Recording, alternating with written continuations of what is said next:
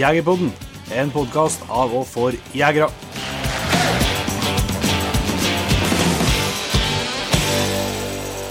Hjertelig velkommen til en helt ny episode av Jegerpodden og Jon Ingevik. Det er ikke bare en eh, ny episode, jeg merker det er en ny sesong. Ny sesong, og eh, ikke minst så går vi inn i den fineste tida på året. Yes. Det er august, og det er eh, masse podkastepisoder klar. Og selvsagt, jakta er jo rett rundt hjørnet. Akkurat når dette spilles inn, så er vi jo et par dager før bukkjakta, men når det slippes, så er vi jo én dag inn i bukkjakta. Ja, Det har en sammenheng med at eh, vi står på farten og skal til Elverum Yes. og jakte fiskedagene. Det skal vi. Så, men vi har selvsagt litt eh, bukkjaktprat eh, på lur. Det er jo en ganske allsidig episode, vil jeg si. Vi har med oss en kar som heter Fråge Morten Veimo. Som i hvert fall er kjent for en del eh, unge jegere rundt om i Norges land eh, gjennom jobben sin som lærer på Skogn folkehøgskole. På jakt- eh, og fiskelinja der i mange år. I tillegg til det så er han en meget uh, ivrig bukkjeger, Ja. Med mange store bukker på samvittigheten. Flere gull. Og eh, han er nok uh, ute og jakter kanskje når dette her kommer ut, uh, vil jeg tro i hvert fall. Og, Det regner jeg med. i tillegg så er vi innom eh, en del litt buejakt, for det ligger hjertelig nært. Og så snakker vi litt vaktelhund og, og forskjellig, så her er det muligheter for, eh, for alle som er litt interessert i jakt og hunder, tror jeg, til å kose seg. Det er det. Men uh, nå er det jo fire uker siden jeg har vært på lufta sist, jo, Petter. eh. Har dere savna oss, nær sagt? det kan- Fleste syns syns sikkert det har vært litt godt. ja. Endelig vi sluppet å høre på. Det er jo frivillig å høre på podkast, da. Det er det. Ja, ja vi har eh, endelig i gang med en ny sesong. Jeg tror eh, vi har veldig vi, vi, vi vet jo da, at vi har veldig mye gode episoder på lager til dere. Ja, vi har jo mm, Det tok jo fem-seks år før vi, før vi, fem år før vi fikk det til, men eh, nå holder vi på å ha en del episoder på lager. Ja, i hvert fall mot høsten Ja. vi, er vi litt mer rutinert på det. Så, og det er et eh, stort spenn både i tematikk, selvsagt. Det er alt fra rovdyr, og det er elg, og det er hjort, og det er løse hunder, og det er faste hunder, og det er hunder som går etter fugl, og det er alt mulig. Eh, I tillegg så er det et stort geografisk spenn, vil jeg si. Ja, faktisk ifra ja, vi, var, vi var vestom Kristiansand. Mm. Det er vel det som er lengst sør, og helt oppe i Troms. Ja. Nesten oppe i Tromsø. Ja, så det er et, eh, det er et bra spenn rent geografisk, og det er jo tematisk, så det bør jo love eh, godt. Og det, det er jo litt Når du tenker på at det er avstandene, så er det faktisk, har vi jo kjørt det der. Det er ikke, her har vi ikke spilt inn online heller. Så da, her er faktisk, har vi flytta til gjestene. Så Det har vært litt kjøring, ja. det har vært litt kjøring. Så det, så det er bra. Så da håper vi at det, det blir mye bra podkaster å se fram imot. da. Vi syns i hvert fall eh, nivået virker til å være der det skal. Eh, og så er det jo som du var inne på, Inge, fire uker siden sist. Jeg vet ikke, eh, Vi har jo det har jo vært sommerferie eh, delvis også, så det har ikke vært så mye jaktaktig, da. Nei, det, det går i Hva det går i hvor det var skjøting og, og hundetrening, egentlig.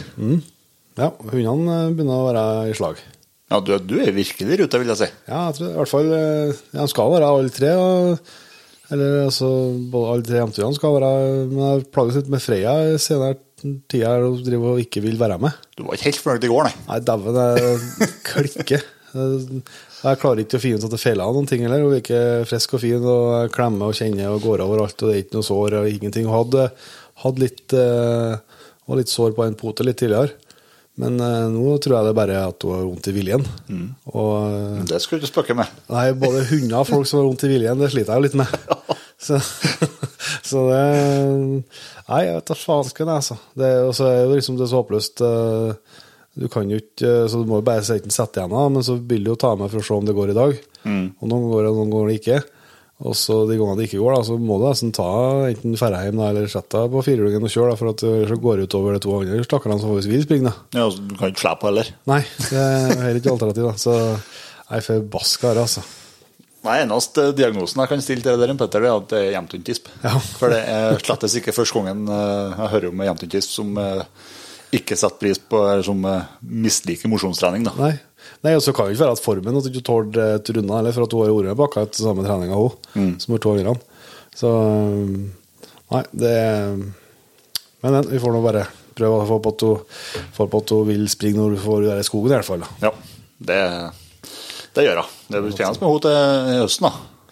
Ja, Eh, Det blir Rex, Rex han, han vil jeg jo si eh, Han er jo i ferd med å bli en, eh, en hund du kan stole på. Ja. Og så er det spennende å se hvordan det går med Freya nå til, nå til høsten. da. Ja, jeg, jeg føler jo at hun skal ta, bør, altså må ta en del steg opp fra i fjor. Og gjør hun det, så, så blir det jo greit. Eh, Gjør hun ikke det, så må jeg virkelig begynne å spekulere, da. Men eh, det får vi nå ta utover høsten. Og Mars er jo selvsagt eh, Dagsen Mars er jo selvsagt òg i emning til å bli noe her. Jeg har spora litt rådyr, men Ja. Par turer jeg har sett. eh, Det er en eh, Jeg tipper litt sånn eh, ufrivillig så har jeg faktisk kontroll på reviret til en bukk. Ja, for nå har jeg sett den på samme liksom innenfor en sånn ja, 500-600 meter, i hvert fall en tre-fire ganger. Så jeg tror jeg vet hvor den bor så jeg har vært og spora par noen turer. Oppe i fjellområdene her så kan jo pinadø hende at du har suksess med lokkefløyta når du kommer fra Elverum òg. Jeg? Har litt å jakte, det, er det som er problemet. Så, men eh, den er liksom på den treningsruta når vi kjører firehjuling. Ja. Så er sånn har sånn jeg sett den. Så jeg har sett den fra bilen en par ganger. Så, så har jeg fått spåra litt med, så det ser jeg vel lovende ut av. Det er vel tidlig å si noe som helst. Jeg er nå bare ikke så mange måneder ennå. Men uh, interessen er nå definitivt. Det vil overraske meg voldsomt hvis ikke er dyret der har tenkt å jage det han får fra om seg. ja, det Nei, det, det, han har jeg trua på, ja. Det tror jeg Men apropos hunder og spenning, da, så er det jo eh, stor spenning i re- redaksjonen med at eh, du gjør utskiftninger i Utskiftninger i hundparken. Ja, det Jeg var vel inn på, inn på noen podkast før i sommer her, at det ble fryktelig tomt, eh, tomt og stilt uten, uten nordmann i hus. Eh, som, eh, som vi måtte avbryte pga. sykdom da, i vår her. Og, og da klarer ikke jeg å vente, vet du. Så, så først så eh, ble det så jeg ja, det var noe, han som driver mest seriøst med, med oppdrett av Treeing Walker i, i Norden. Bjørn Lindberg, eh, som har ja, det er registrerte hunder som registrert i SKK, og som du får videre registrert i NKK. Og, eh, og som har gått eh, ja, De er championer og, og går, godt eliteprøv på rev. og Full stamtavl da. Yes. Og det er jo det er artig på en såpass ny rase. Mm. at man kan ha det, for det, det var det ikke, det var det jo ikke på, på de hundene jeg har nå. Nei. Jeg har hatt. Nei, det var vel ikke mulig å få til det på det tidspunktet når du fikk til dem? Nei, det var ikke det. Så, og så, ja, han, han gjør et jævla bra arbeid, arbeid for rasen. Eh, Han importerte en eh, hanne fra, fra USA som han eh, fikk når han var fem måneder, og som han nå har gått, gått opp til prøver og, og gjort, det, gjort det godt med å jage, jaga inn i Sverige. Ja. Så um, det kullet ble født for ei uke siden. Og da kom det heldigvis så mange tids på at det, det blir ei på meg. Ja. Så da blir det større korp da i slutten på september. Det er. Noen vil jo si at det er gunstig. ja. jeg beror meg på at eh, enten så må den hunden bli med veldig mye ut i skogen. skogen. Vi kan, kan bli litt prega på elg, vet ikke. Eh, så har jeg heldigvis en, en samboer da, som, eh, som kan bidra litt òg, men eh, det er veldig gunstig for preginga på, på vinteren. Ja, ja, ja, ja. Den vil bli veldig fin eh, alder i februar-mars. Mm. Eh, Da begynner- kan begynne å få spor, spor litt da. Ja. men så er det jo sånn, du må bare ta når de, ta når de kommer. Altså, Det jevner jo ut seg gjør utover det. livet. Og så i tillegg, da. Oppi det mer. Ikke nok med det. Nei. Så ja, Vi har jo spekulert i den der borderjenten. Uh, Blandinga som jeg har, hun er to år nå, da. Hun, eh, hun eh, Ja, vi har nå gjort eh, forskjellige vurderinger med henne og fått uh, testa litt interessen hennes litt mer på elg, da. Og, og det Ja, hun er jo Interessen er der, men hun er for redd. Ja. Altså, hun, hun tør ikke å nært nok. Og, og kommer antagelig til å fungere greit som en bannhund, men ikke som en løshund til den jakta som jeg vil ha til. Nei. Så det, hun blir med til Elverum nå, og blir plukka opp av et eh, trivelig ungt par fra Østfold okay. som skal ta over henne.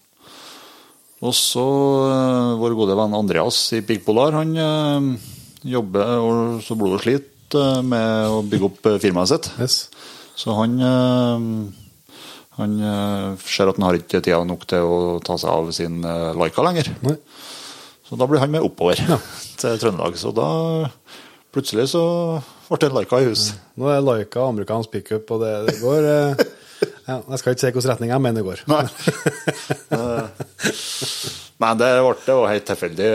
Det, det handler jo litt om at jeg, at jeg stoler på den andre også, og det han forteller om hund. Um, og så er det uten tvil en, en spennende rase. Ja, ja. Um, og det, det har jeg nå sagt i før at hvis jeg skulle hatt en annen rase enn hjemtun, så ville jeg prøvd Laika. Så nå, vet du, han er jo han er bare fire år. Um, så da ble det på en måte ble ultimate I stedet for at jeg i tillegg til en større korp skulle jeg tatt en hjemtun-korp nå i høst, så, så overtar jeg Laikan og håper at den, eh, den blir et fint supplement. Ja, så får du se. Altså, det er enten så funker det, eller så funker jeg jo ikke. Ja. Det er ikke noe, og da har han jo, jo et hjem. Hvis det ikke skulle funke. Ja, ja. Så da, mm, også da, da, også da kan jeg dryge litt med å få tak i en ny, ny spisshund. Ja.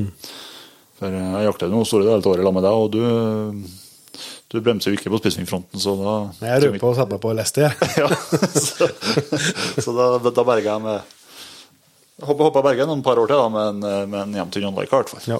Dette jeg setter meg opp på leste, det har litt sammenheng med den eh, frustrasjon med, Freya. Ja, at ikke hun ville være med og springe. Så, så fikk jeg en melding på et eh, veldig veldig spennende skull, og da tenkte jeg at nå skal jeg sette litt press på her.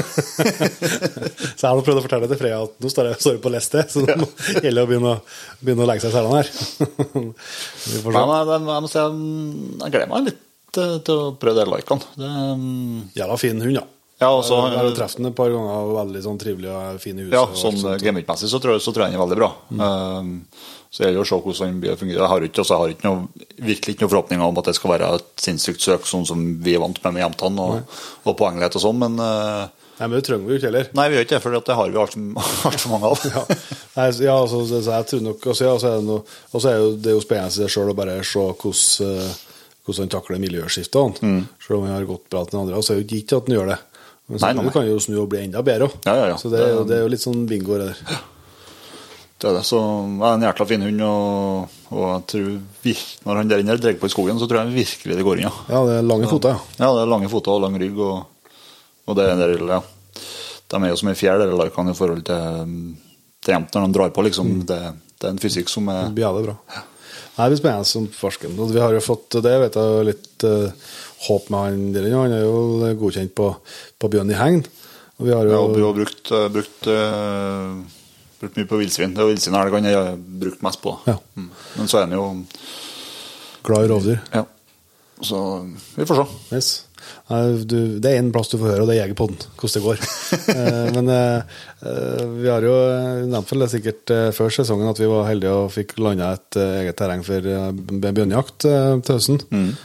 Og der har vi jo holdt på i, i sommer. Eh, Det er jo mm, ja, søkt om åter og åter ut og, og ordna, og det har hatt litt, litt trafikk det vært, og vi har fått vært og spåra litt.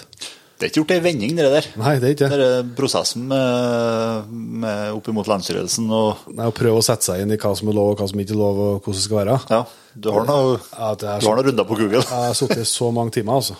Og enda, når jeg jeg snakka med mye folk, jeg føler at jeg er ganske trygg, men likevel liksom, så, så jeg er ikke helt sikker. De er, vi hender vi klager på at det ikke er så alt hender vi snakker om at alt er så bra i Sverige, men det er ikke nødvendigvis så mye kleinere i Sverige, eller så mye kleinere i Norge enn i Sverige, altså, for at eh, Nei, i hvert fall, i hvert fall ikke når det kommer til ting å, å finne rett info, lett, rett og lettvint info på nett. Nei. Så er det Hvis noen bare for så, så finner du litt, så kan du spørre noen, så får du et svar, spør du andre, så får du et helt annet svar, og så begynner å google og lete, og så finner du litt her og litt der, og så er du litt usikker på hvem det er som egentlig bestemmer hva. Um, og så er jo utfordringa sånn bestandig, sant, at hvis eh, du f.eks. går til lensstyrelsen, eller det som er tilsvarende statsforvalteren i Norge, da, så er utfordringa at hvis du, hvis du spør noen der om hvordan er reglene, på en e-post f.eks., og så får du en tilbake, og så får du svar at det er sånn og sånn. Og så gjør du sånn og sånn, og så skulle det vise seg etterpå at det ikke var rett, så er ikke den e-posten verdt noe som helst. Nei. Det er du som jeger som er ansvarlig for å vite det. Men eh, skulle jo spørre om noe og så få et svar at det er sånn og sånn, og så gjør du motsatt, og så blir du huka for det. Mm. Så, så da er det veldig gjeldende. Da går det ikke an å si at ja, det visste ikke jeg, eller det forsto ikke jeg, eller det skjønte ikke jeg. For da har du fått beskjed om det, og det, det betyr noen ting. Så, så det, det er litt sånn eh, Ja, det er litt, det er litt sånn med Jeg gleder meg ekstremt. Jeg, nesten, altså, jeg tenker på bjørnejakt nå mer eller mindre 24 timer i døgnet. Men samtidig så kjenner jeg på det, stadig på den her Det er en bismak. ja, det er en sånn bismak liksom, på det at det ikke føles som at uh, For vi og de aller fleste jegerne vil jo alltid prøve å gjøre alt rett.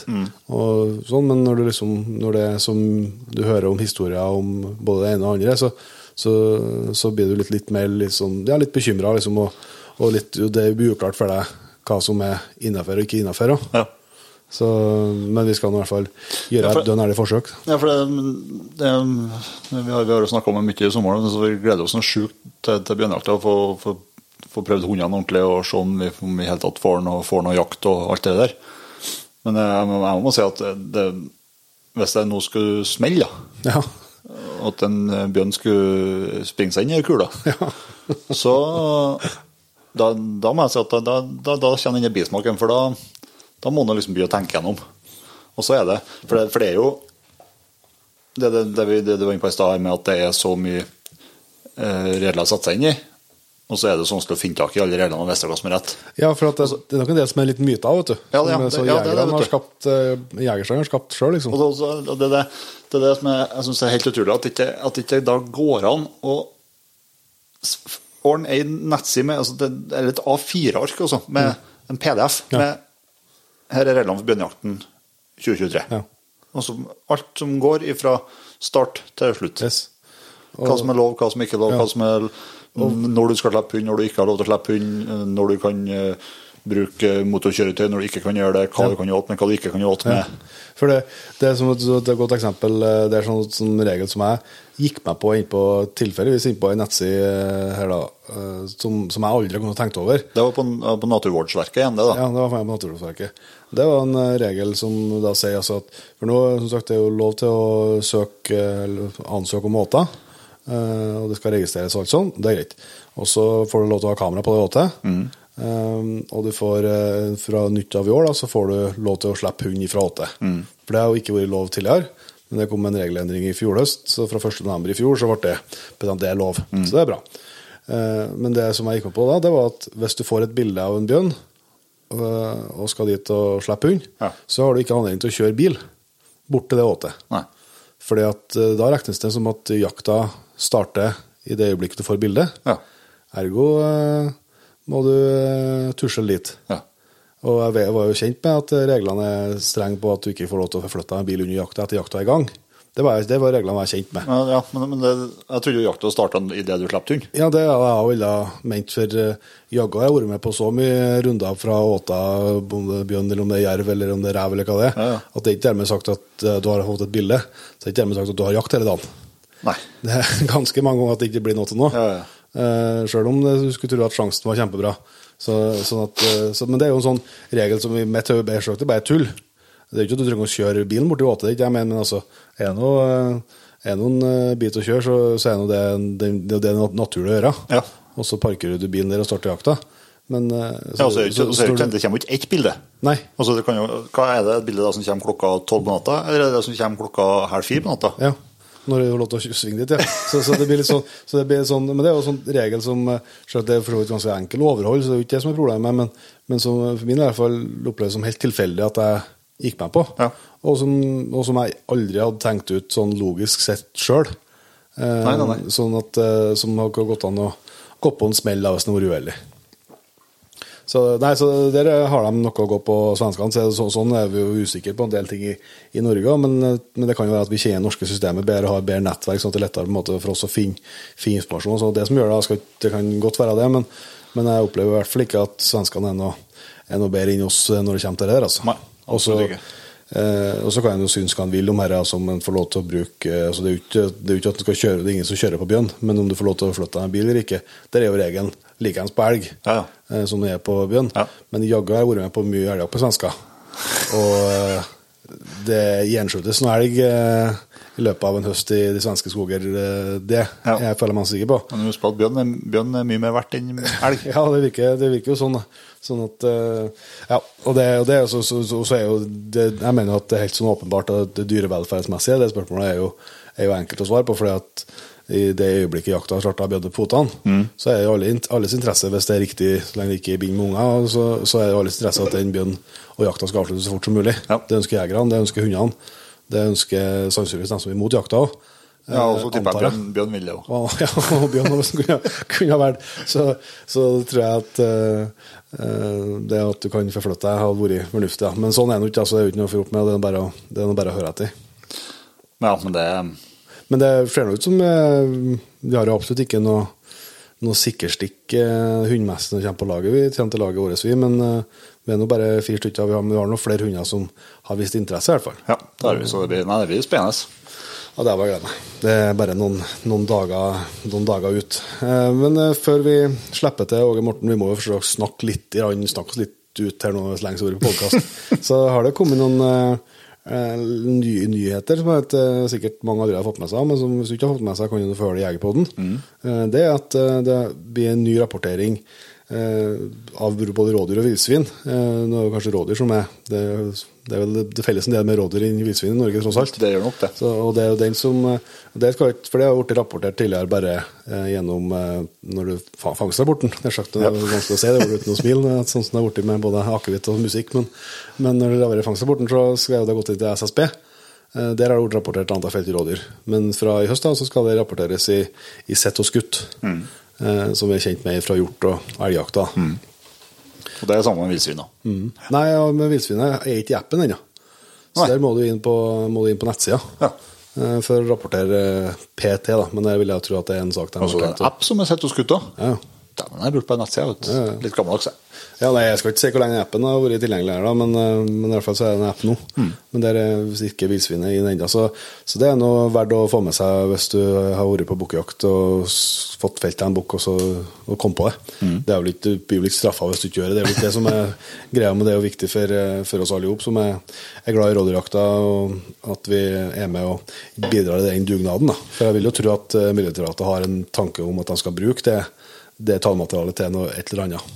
Ja, for det, det er jo det er jo inne på før òg, vi snakka med, med forskjellige forskere og diverse, at eh, det er jo rart liksom, at man skal ha så kål og, og strikt på, på forvaltninga på elg og hjort. Mm. Men det rådyret, det er liksom bare Det, det bare Jo. Det får du jakt på, så kvotefritt mange plasser. Og, Mm. ja. Ingen som vet noe. Nei. Det er, jo, det er jo bra at det kommer litt mer system, da. Ja, så jeg vil jo tro at dette kanskje kan være starten på, starten på litt mer eh, systematisering overfor for rådyrbestanden vår. Da. Ja. Eh, og så en annen kalle gladnyhet. Vi har jo snakka om det i våren, at, eh, at eh, våpensøknadene eh, omsider har blitt digitalisert. Eh, og nå eh, fikk de ut, eh, for en uke eller to siden, så fikk de òg digitalisert lånesøknader. Altså for deg som typisk førstegangsjeger, eller at du har riffel eller har i hagl, og så skal låne deg et annet type våpen til å være med på jakt, jakt, så er det òg digitalisert nå, og det går fortere. Så det er jo en kjempenyhet for, for dem som har lyst til å prøve enten en ny jaktform eller lyst til å prøve seg som jeger i høst. Da. Så da går det an å, å få til det uten, eh, uten at du må inn med papirsøknad og alt mulig rart. Da, så skal det jo ligge i utlånserklæring i, i bunnen sånn før, da, men utlånserklæringa har egentlig vært bare, bare godkjent for eh, hvis du har våpen fra før. Da er det snart bare europeisk våpen, pass som er igjen, som du, der du fortsatt må ved å besøke våpenkontoret for å få Ja, det er vel eh, sannsynligvis det, da. Men det vil jeg jo nesten tro at de kommer til å oppe. Du må jo fortsatt eh, Du får ikke å søke pass digitalt heller, da må du jo møte opp. Så, så det er kanskje de kommer å opprettholde. Men, eh, nei, men det er i hvert fall en gladnyhet at eh, da er det, er det fortsatt sjanse for den som uh, ikke har børsa på plass, i hvert fall. Eh, videre så um, Nå skal vi jo vi er på vei farten ned til Elverum, på jakt- og men det skjer ganske mye mer og framover mot jaktsesongen. det er en rekke liveshow som står på, på tur. Ja, Det første har vi faktisk allerede, allerede bak oss. Vi var til Li Ja. slutten på juli, og i Levanger starten på august der. 1. 2. august. Det var skøy, det òg. Det var veldig gøy. Eh, spesielt eh, altså Begge var artige, men eh, Lierne så var det jo smekkfullt. Ja, jeg tror ikke du har fått noe, har ikke fått noen mange, ja, mange flere personer enn det bygget der. Fått inn en røyskatt til å spise den i begge endene. Nei, og Der har vi jo med, har vi jo med gjest, eh, faktisk òg. Ja. Så den podkasten kommer vel ut i løpet av ja, hvis det, lyden, er- lyden er som vi håper, så, så dukker den opp etter hvert. Den er absolutt eh, vel verdt å få med seg en godkar fra Lierne som er god til å fortelle historier. Men du har flere lagshow. Vi har første nå, det er på fredag 11. Det er jo på Løten, rett Yes. med Elverum. Mm, så da håper vi å treffe mye folk der. Så er det da fredag eh, 18. Ja. august. Da er vi på Stjørdal. Og lørdag 19. er vi på Overhalla. Mm. Og så er det, går det litt av stund. Da skal vi jakte litt jakte bjørn først, og så skal vi jakte litt elg etterpå. Og så er vi tilbake til, på norsk jord. Ja. Da bærer det til Lysøysund. eh, Det er vel 15. september. Stemmer. Og så er Snillfjord da den 16. september. Mm. Og så avsluttes eh, årets eh, livesesong på jernbane i Rørvik 23. september.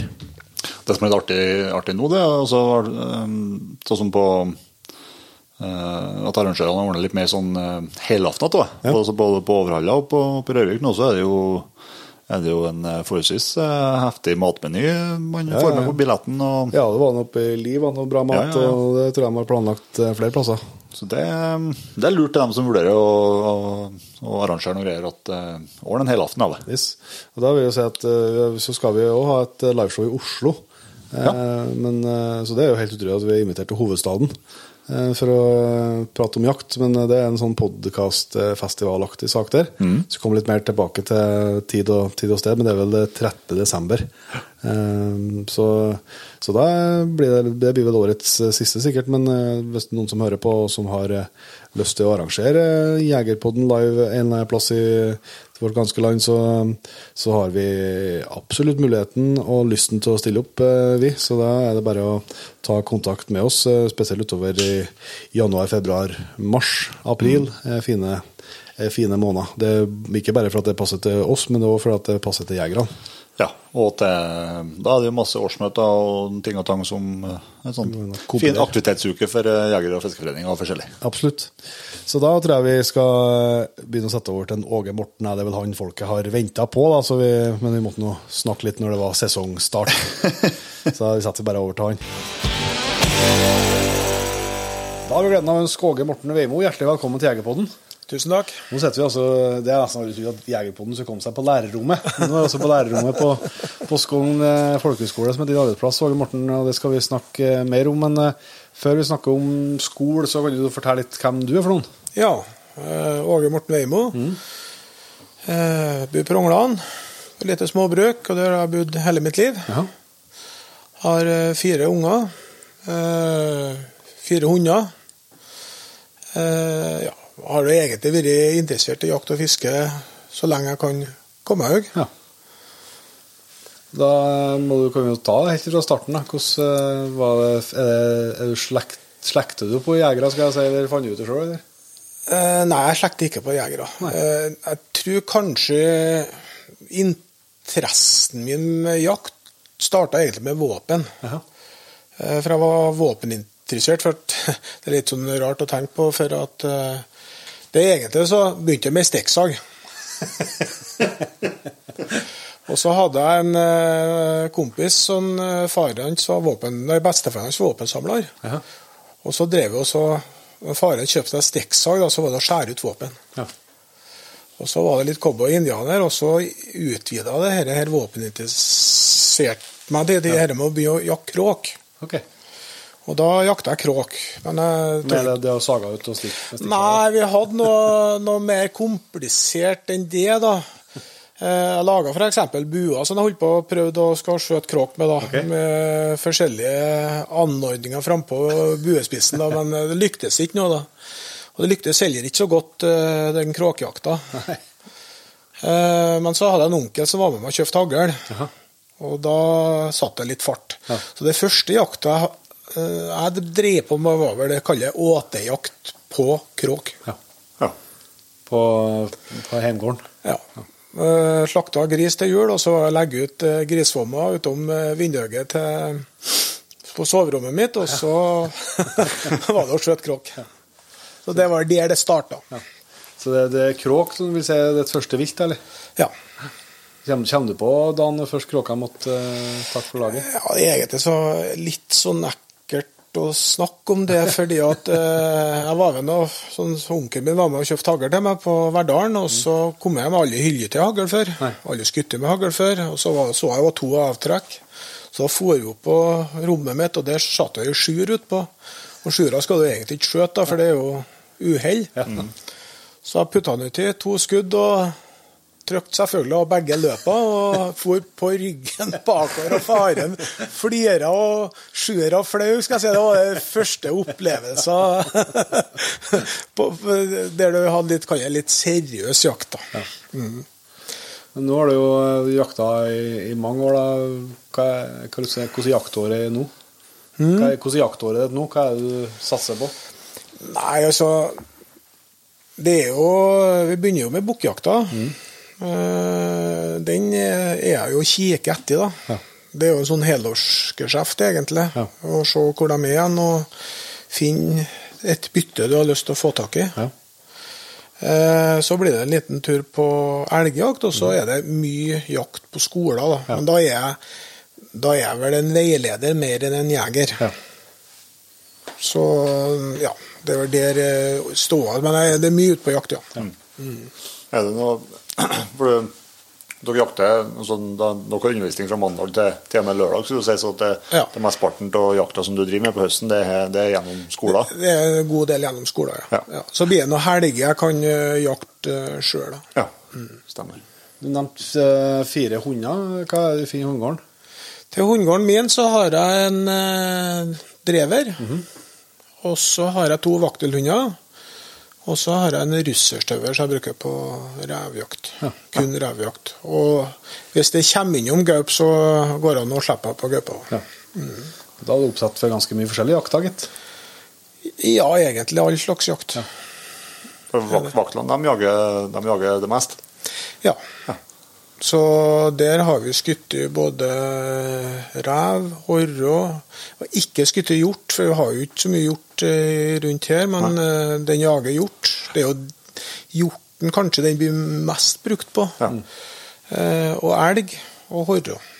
Og så kan du jo da stille fugl på nå, mm.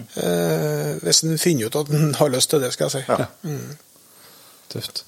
Og så en apporter attåt. Ja, ja. Jeg apporterer jo både i vann og, og ellers. Og en eh, meget god ettersøkshund. Ja. Så det er en veldig allsidig hund. Ja, ja. Altså, de er ettersøks- ettersøksgodkjent dine? Ja. Våpenskapet, da, Morten, hva, hva vi finner der? Ja. Der eh, finner vi noen kroner, ja. Vi kan, vi, kan- vi kan sensurere hvis det er noen som ikke skal høre det. Så vi kan. Det går eh, veldig greit. Nei, jeg har, eh, jeg har i våpenskapet mitt så har jeg en Den børsa som jeg har hatt lengst, der er vel en, en Sauer 200 SDR med en KKC-stokk. Og så har jeg en size Ja, en stor size på. Det er vel en 6, nei, 6 til 24 gang 52. Eh, og den har jeg hatt i mange år. Det er den børsa jeg bruker på litt prekkskjøting, for å kalle det seg. Jeg bruker mye på bukkjakta. da. Og så har jeg en eh, R390 Men så har Roski 1-8 ganger 24 på. Eh, Den liker jeg veldig godt. Og den har jeg jo brukt Kjøpt av det mer eller mindre for å skjøte gris i Polen. Det er et eh, meget hyggelig våpen. Og så har jeg vel en eh, R8 òg, da. Måtte ha den òg, da. Eh, og Grunnen var vel at eh, sønnen min var med i jakt, da måtte vi ha to våpen. eh, og så har jeg en Valmet kombi. Litt mindre brukt nå, men den heier jeg på skal lade opp igjen nå. For når jeg jakter med vakter, så er det veldig greit med en kombi. Ja. Eh, Kommer en horre, så har du da muligheter med hagløpet, og så har du et forlenga eh, hold på rådyr. Ja. Ja, så har jeg litt annet småtteri, da, men eh, ja, Det, det er hoved, hovedtrekka. hovedtrekka. Hvordan hvordan rifle er det som er med, har mest jaktdager? Det er vel RO. Nei, eh, 390. Hvis vi, før vi går på, vi skal jo snakke Du, jo- du sa jo at bukkjakta er en stor sak i livet, så det er jo sesong før nå, så det må vi jo fordype oss litt i. Men eh, du har jo en, eh, en spesiell eh, jobb eh, på Skogn folkeskole. Du er, er lærer for eh, linja som heter for eh, jakt, jakt i USA, er det, eller hva heter linja? Bue, jakt og fiske. Du er jakt og fiske? Mm, Ja. er det. Og da er det, så det vil si at det, det er litt eh, både jakt og fiske, men det er det liksom litt fra år til år hva som det vinkles mest på, om det er jakt eller fiske, eller er det liksom jakta som er Det er vel i utgangspunktet jakta sånn er hovedmenyen, men så har vi jo Når de kommer hit, elevene, så er det jo en del tid før som vi kan bruke på jakt, nei, på fiske, og så er det en del på etter jul vi kan eh, fiske. Og så er det jo litt den kombinasjonen at, kan, at vi kan drive med både jakt og fiske, da. Men vi driver ikke med altså vi driver med kan du si, matauk. Ja. Eh, Så det er liksom, når vi fisker, så fisker vi etter fisk for å ete. Vi driver ikke og slipper ut fisken for å, eh, for å ta igjen den. Mm. Litt moderasjon der òg, for at vi får vi en sjøørret eh, på høsten og den er gyteklar, så slipper vi ut den i stedet for eh, som vi gjorde før. Da tok opp den, og så fikk vi en dårlig middag. Så du slipper ut den i stedet. Så, så det er jo eh, Fiskelæreren her var veldig opptatt av det, og det har han helt rett i, egentlig. For det er jo fokus på å, å sank og, og jakt og fisk til mat. Det er det er hoved, eh, hovedgrunnen for den lina jeg driver. da. Ja, for dere tar med dere da viltet og fisken og alt mulig rart inn på Vi har vært kikka på lokasjonene her med grovkjøkken og vakuumpakking og Ja, så det å tilberede det til mat og sånn Jeg sier til mine elever at eh, vi driver ikke og skyter for å skyte. Eh, vi skal ta vare på det vi skyter, og så skal vi i utgangspunktet jo Vi tar jo et liv, så vi skal mm, tenke over det på den viset at eh, vi må bruke det til noe. Da er det å ete det. Eh, eller å ta av pels av en rev, mår, mm. skalle. Så vi skal være litt ydmyke i forhold til det vi holder på med. da. Da kommer elever fra hele landet hit, da. Kommer elever fra hele landet. Bør være en nordlending da, i klassen. Da, det, da er det helt, helt prima. Og så bør det være jenter attåt. Det ser vi at den jenteandelen eh, har økt litt nå. Ja, de som er skikkelig ivrige jegere. Da. Det syns jeg er knallartig. Klart det. Men da er det helt ifra at noen kommer og ikke har jegerprøven, til dem som har eh, måte flaska opp med jakta og har det Ja. som det store livet. Ja. Det er ganske vidt eh, spenn, ja. Veldig vidt spenn. Men samtidig så er det jo en skole der vi skal lære av hverandre, og vi skal også respektere at eh, noen ikke kan så mye, og noen kan veldig mye. Og så til sammen så blir dette her en veldig god kombo, egentlig. Og så er det noen som kommer hit, og så tenner de fullstendig på jakt og blir jaktgal. Og så har vi dem som har vært med på et år og syns at det var et greit år å prøve ut noe på. Men jeg får jegerprøven og muligheter til å være med på mye jakt. Og så kanskje den største fordelen er at altså, du får da, la oss si etter gåsjakta, så får du ganske god erfaring med å altså, Du har skutt gås, hva gjør vi så? Vi har skutt et rådyr, hva gjør vi? Så da får de prøve eller å se på og være bortpå med kniven. Og mottoet mitt at jeg skal ikke øh, være borti kniven. Og jeg må være ærlig og si at jeg må gå noen gang. For jeg har veldig lyst til å ta over. altså, så jeg sier at altså, De må jo begynne noen plass. Og da må de begynne med kniven. De må tørre å, å, å prøve. Å vomme ut og sånne ting. Det, ja. Hva, det er folkehøyskole, de fleste kjenner sagt eh, folkehøyskole som både begrep, og mange har jo gått folkehøyskole men det er jo ikke, det er jo ikke sånn at de går ut med, et, eh, med utdannelse som jeger, på et vis, eller at de har eh, de får jo et skoleår, har et skoleår men det, det er litt, litt fokus inn på det vi kjenner fra videregående og, og høyskole med karakterer, eksamener og sånn. Ja, nei, vi har ikke noe, noe karakterer og eksamen og sånne ting. Altså, du, må du ta jegerprøven, så får du en jegerprøveeksamen. Ja. Eh, vi har òg en buejegereksamen som de må ta og stå. Men ellers så er ikke det. Eh, fokuset til oss det er jo det mellommenneskelige, det å bli kjent og godta den vi er. Og komme på skolen her sånn uerfaren jeger og være ydmyk i forhold til det. Og i forhold til den som jeg da har, jakta veldig mye, er ydmyk i forhold til at det er noen som faktisk er helt ny her. Og så er det å få et vennskap eh, og bli mer kjent med seg sjøl. Og så får de da prøve mange forskjellige jaktformer. Eh, hvordan de kan få tak i jakt. Og så får de da et, et eh, kan du si, eh, de blir kjent med mange som driver og jakter. Så vi ser jo i ettertid at det er mange som treffes i, etter skolen og, og, og jakter i lag. Altså får, få et nettverk kan du si, av jegere. da. Men du nevnte jo stikkordet her med, med, med bue. Vi må Kanskje gå litt mer inn på det. Men hvordan jakt er de er med på liksom, i skolen i sin regi? da? Ja, I skolen så kan jeg si at det, vi starter når de kommer hit, så har de jo mulighet til å, å prøve, For dem som har skutt opp og har riffel, så kan de starte med, med bukkjakt. Ja. Og så er det, når jakta starter, da, så er det jo gåsejakta. Den har vi jo Særs gode muligheter til. Ja, det er mye gås. Så vi kan sitte på Når vi er ute, da, så flyr vi jo flokkvis over der. Ja. Eh, og så er vi på jakt i USA, da, på, på whitetail.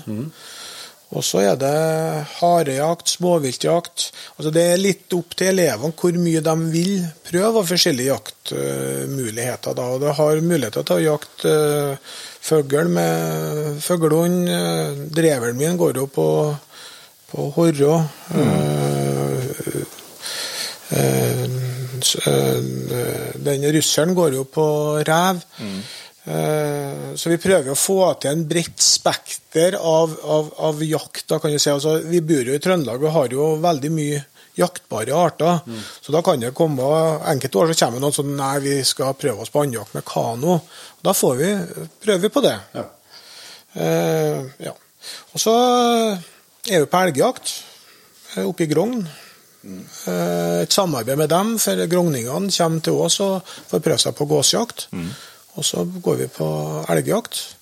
I år så blir det jo en runde på Stor sannsynlighet da, for en runde på, på hjortejakt. Vi har en eh, gammel jaktelev som eh, var på re- reunion her, og da sa han at han snakka med jaktlaget, og vi kunne komme ei helg og jakte eh, hjort til dem. Ja. Og så passer vi nyttår, da begynner revjakta. Og så er vi i Sverige på, på toppfugljakt. Og så ber seg noe med litt fellefangst. Og så er vi på seljakt og, og har eh, sånn skadefelling av gås attåt, da, Ja. På vårparten. på vårparten. Og så er det jo er det mye duer et år, sant? og så har vi jo muligheter til å jakte duer. Ja, så forstår jeg litt som vi snakka før, at det, det er jo liksom mye rom for at hvis det er noen som f.eks. har et reinskort og kan ta med seg noen av elevene på det, så kan de, være rom for å gjøre Ja. sånne ting òg. Likeens elg og Ja. sånn. Ja. Så det er jo å få et bredt kan du se, perspektiv på dette med, med jakt. da. Ja, for hit, det hit ikke elever som er altså, De er stort sett over, over 18 og oppover. Ja. Ja. Utfordringa Vi har elever som er, som er 17 år, men det, det er litt utfordrende, for da blir jo jeg vergen deres. si. Ja. Så Vi ser jo helst at de skal være over 18 år. Ja. Ja, det. Og det er litt i forhold til USA-turen nå. Jeg må snakke litt om eh, USA og buejakt. Altså, hvordan eh, kom dere på den ideen med at dere skulle ta inn her bue, buejakta i i linja? Ja, det er jo rektoren, Lars, som starta med det. Og han var jo en aktiv bueskytter. Ja. Eh, Så han var jo i USA og, og laga et konsept der, da, med buejakta. Ja. Og når jeg tok over, så Ja, det var vel på den plassen vi er nå, da, så ble det et nytt konsept med, med, med, med buejakt. da. Så da har vi buer på skolen sånn vi trener med mye før vi drar over til USA. Og så er liksom siste tuninga i USA, da. Ja. Uh, før vi drar ut og jakter. Så da har vi ca. en åtte dager med buejakt i USA. Ja, som det har vært nå, så er de, på en måte, når de har uh, kommet og betalt skolepenger, skal jeg si, så har, da har de en bue i Da har de en Det bue i handa si. Og så får de en sånn sitkajakke, da. Og Det ble litt gjort litt, fordi at uh, når du kommer på en så For jegere så er det en sånn godtebutikk. Det blir jo en, eh, en buebutikk eller en våpenbutikk. Da kan det hende at kortet ryker varmt litt.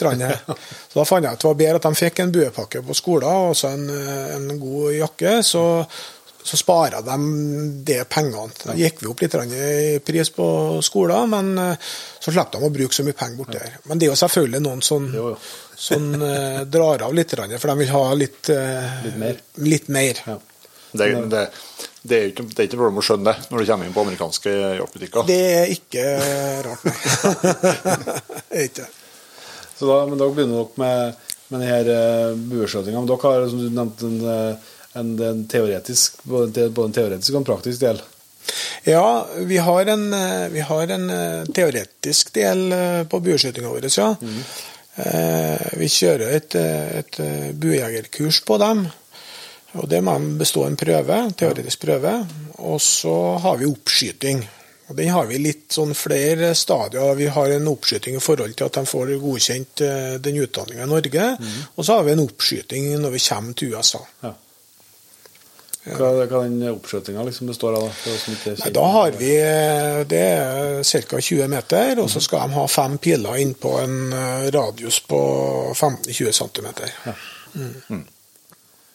Så det kan si Du skal, du skal treffe eh, de vitale delene på det dyret du, du skal skyte. Ja. Og så er det viktig at første pila skal treffe samme okk.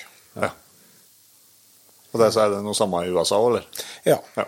Der er, vi trenger ikke ha det, men det er for at vi drar med oss litt grann av den norske Modellen, si. modellen over til USA, så at vi skal skjerpe oss litt grann, i forhold til at eh, det skal foregå på en grei måte. Mm. Men da er dere er i USA, da, da jakter dere whitetail? da? Ja, jakter whitetail, ja. Da gjort, gjort det. Mm. Liten, hvordan, er, hvordan er en størrelse? Er det en mellomting? med rådyr? Mellomting mellom rådyr og hjort, vil jeg si. Ja. Ja. Da, da jakter dere fra tree stands? Treestand, ja. Ja. Så det er veldig sikker jakt. Altså, vi, er på en, eh, vi er på en gård borti der, og der har vi ca. 20 treestander stående ut. Ja. Eh, For amerikanerne sin del så er det altfor mange. Ja. Eh, For det blir veldig tett på et område. Men er god bestand av hjort borti her, og så er det veldig sikkert. Så det er veldig greit å gå ut og gå inn. Så når vi går ut f.eks. om morgenen da, og det er stappmørkt, så er det greit å gå på posten sin. Og det er greit å komme seg tilbake igjen. Er det, men er, er det noe åta noe greier, eller er det trekkruta, eller? Det trekker ut, da. Ja. Det er ofte sett på. Da så har dere to økter om dagen? da, Morgensøkt og kveldsøkt? Eh, litt begge deler igjen. Vi har utprøvd både morgensøkt og kveldsøkt, for da kjører vi ut bare halve pulja. Eh, men da blir læreren klar. for da er det nå på morgenen og sent på kvelden, og så skal vi, når vi skyter hjort, så skal vi jo lage mat av det her. Ja. Og da skal det jo gjøres opp. Det skal lages pølse, det skal lages hamburger, det skal lages biff jerky og alt det vi kan jo si laga av den hjorten vi skyter bortpå her. ja. Eh, Så vi har gått over til, til eh, og så kan vi, så vi kombinere litt hva vi ønsker for noe etter hvor ivrige elevene er til å jakte. da. Ja, Mm. ja, for det går an for, eh, for en eh, 19-åring, 19-20-åring å bli litt utålmodig oppe en tree òg? Eh, Det går an, ja. Ja. Og så er det litt sånn at i USA så er de veldig opptatt av dette med lukt, sens. Ja. Altså, når vi er der, så er liksom du, du har med deg da, en boks for å pisse oppi, og vi får ikke sigaretter. eller Sånn, for, og vi prøver at du skal være luktefri når vi går ut i området, så vi ikke forurenser området. Og selvfølgelig, når vi jakter for hardt, da, da kan du se da, så blir det en sånn skal, altså skal vi jakte mye og forurense, eller skal vi jakte lite og ha mindre forurensning for å sjansene for å skyte? Og så er det jo væravhengig borti der, og for begynner det å bli snø f.eks., så er det ganske hardt å sitte i mange timer oppe i en trinstein. Ja. Og hvorfor du skal trekke opp en bue attåt, altså. Ja, det har jeg fått erfart sjøl. Altså det som er litt Jeg har ikke tenkt på det egentlig før du sa det i stad, men det som er litt ja, interessant med USA, er jo at eh, det er en del ting selvsagt, som virker veldig sånn fjernt og fremmed fra, fra Norge, både med jaktmetoder og, og, og, og eh, sånn, men samtidig det som er likt mellom Norge og eller Skandinavia kan vi si og USA, det er jo at det, jakta er en folkeaktivitet. Det er ikke sånn som vi ser mye nedover i Europa, der det er mer en sånn kall overklasseaktivitet. Så er det, det alle sammen som har muligheten til å jakte i USA. I USA så har alle lov til å jakte. Når du kommer ut på bygda, så har jeg inntrykk av at alle jakter. Ja. Og det, og, men det som er forskjellen da, når jeg snakker med amerikanere og forteller at jeg skjøt en ja, x antall uh, rådyr, f.eks., eller eh, elglaget vårt skyter så og så mange elger, så skjønner de ikke noe. Nei. For i USA så drar du på Walmart eller en annen plass og kjøper bensinstasjon, så kjøper du deg en tag. Ja. Og så er det bare å få på public land, altså statsland, og da kan du skyte deg en uh, whitetail. Da må du merke den. Det er litt viktig, samme som på reinsjakta. Merker du ikke den, så kan de trekke inn våpen, altså buene dine, våpnene dine, bilen din alt. Eh, og da skal du altså det, Da skal de ha det sånn inni frysen. Ja. Og da er det matauk. Ja. for det er ikke anledning til å selge det kjøttet. Nei. Du kan gi bort det, Ja. men selge selv er ikke lov til. Nei. Altså, selv om det er liksom dels mulig, så er jo liksom den her ja, folkesjela er jo ganske lik, da. Ja, De er veldig ivrige på, eh, på jakt i USA. Det, det, det er sånne likheter. Altså, men selvfølgelig de har annet i forhold til ettersøkshund og sånne ting. Så jeg tenker de helt annerledes enn oss. Ja, ja. Det er borte Hvis du skal skyte et dyr, så er det liksom da ja, Da skal det få være i fred. Og du er i fred. Du skal ikke gå etter det og herme, det skal jeg si. Så, litt annen hverdag, eller verden sånn, ja. Ja. Og så bruker de jo all slags metoder da, for å avlive dyret. De har jo svartkrut og bue og rifle. Men jeg skjønner jo på en ting at, eh, at, eh, at buejakt er veldig populær borte. For det, det er veldig mye altså, vi jo, altså, det er veldig mye folk som bor borte her. Og det er flatt de plassene i, i Minnesota der vi jakter. Så jeg har jo spekulert noen gang om er det trygt å jakte med rifle her, skal jeg si. Men bue er jo helt innafor. Klart det. Men du har jo begynt å være med både mange som har skutt sine første vilt med bue, men også skutt en del vilt med bue sjøl. Og det er jo en diskusjon som har pågått eh, i, i Norge i mange år, med, med ja eller nei til buejakt. Hva, hva dine erfaringer? Det, er, det, er det safe å skjøte døde dyr med bue? Jeg, jeg må altså, jeg syns det er en meget human måte å, å, å, å skyte øh, et dyr på. Og så er det liksom Det forstyrrer jo ingen verdens ting. Jeg hadde en elev som sa til meg at øh, det var så fascinerende å jakte med bue sånn. For han satt i treestand, så hørte han fuglen sang. Så kom det ei dov gående, og så måtte han bare lure seg opp i treestand, dra opp buen. Fuglen sang, slapp pila. Da så han doa gikk 10-15 meter, så la seg ned. Fuglen sang. Ja. Så det ble en sånn harmoni i det.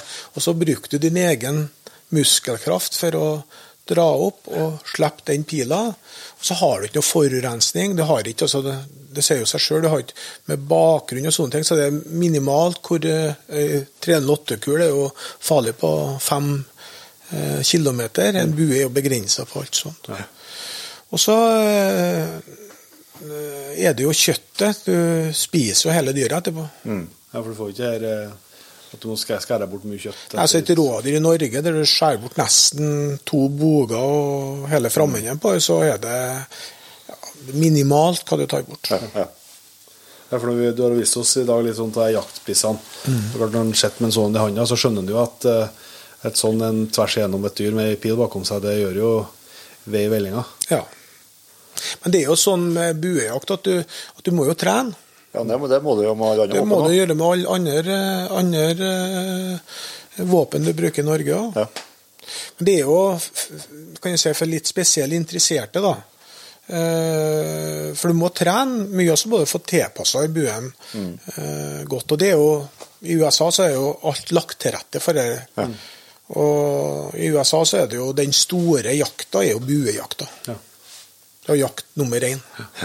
Så at vi i Norge ikke kan ha buejakt, det, det tror jeg handler mer om at det er grupper i Norge som kanskje ikke ønsker at vi skal jakte. Ja, og så handler det litt om tradisjoner. Og Og ikke minst tradisjoner. ja. Ja, for jeg tror sånn, lett å si at uh, buejakt har blitt lovlig i, Norge i morgen, så jeg tror ikke det har vært 100 000 buejegere neste høst for dem. Altså fordi at eh, du, du tar jo Du øker jo vanskelighetsgraden. Ja. Både om ikke skytemessig, men i hvert fall jaktmessig.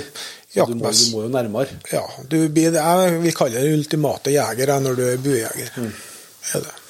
Ja, for du må nærmere, og du har, du har ett skudd. Ja. Så det, det er jeg tror ikke at det har liksom, det har blitt en eksplosjon. Det er så selvsagt det har blitt en eksplosjon fordi at det har vært fra null til ett antall. Ja. Men, eh, men det jeg tror nok eh, eh, Mange setter nok høyere det å få fell, få felt det viltet enn enn, enn at en skal ha brukt en bue for å gjøre det. liksom. Og Vi har jo buejakt i Danmark, og Norges Buejegerforbund ønsker jo å få eh, åpen jakt i Norge. Så vi har jo en organisasjon som driver eh, med jakt, eh, buejakt, men vi må jo dra utenlands for å få jakt. da. Så, og så er det litt sånn at jeg tror det handler veldig mye om kunnskap, egentlig. Eh, for vi ser for oss den Altså for den sånn, Jeg vet ikke om ungdommene i dag ser seg for jeg vet ikke om de driver og lager seg buer lenger, men, men det er mange som ser for seg en trebuen. Og Nå har dere jo sett, eh, fått prøvd bue og sett eh, hvordan en jaktbue er. Og det er jo sånn en moderne jaktriffel. Det er jo, det er jo ja. Ja, du viste jo jo med, med lasersikte med avstandsmåler, og det er jo, ja. Ja. det er jo full, full pupp, det der. Det er high-tech. Det er high-tech. Det er high-tech. Så ting forandrer jo seg der òg. Ja, og så og så er det noe eh, Det er nok altså, sikkert noe med altså, ut, altså, Som gjør det enkelt å være imot det, på et vis. Da. Det er jo at eh, det går jo selvsagt med bue som med riffel eller med hagl galt noen gang. Men at det, det, er mer, det kan være mer grafisk når det går galt hvis det står i pil. Så, står det, så ser du Du ser skaden på en måte. Og det skjer jo at eh, ja, noen organisasjoner har jo et eh, bilde som jeg har sett igjen mange ganger, i hvert fall med Det er vel en whitetail som har en, eh, pil stående i, i nesen. Og det, det ser brutalt ut. Og det er jo brutalt òg. Og det er jo akkurat like brutalt om det, om det har vært kul som har gått gjennom der. Men det vises ikke på samme måten. Nei. Så det er jo litt den der uh, utfordringa der òg, som er Selv om, det er jo ikke Så vidt jeg har forstått, i hvert fall med Buejegerforbundet, så er det rapporter på at skadeskjønningsprosenten er jo lavere. Ja. Så, så det er jo ikke at det er ikke at det er mindre humant av den grunn, men det når det først går galt, så vises det litt mer. ja.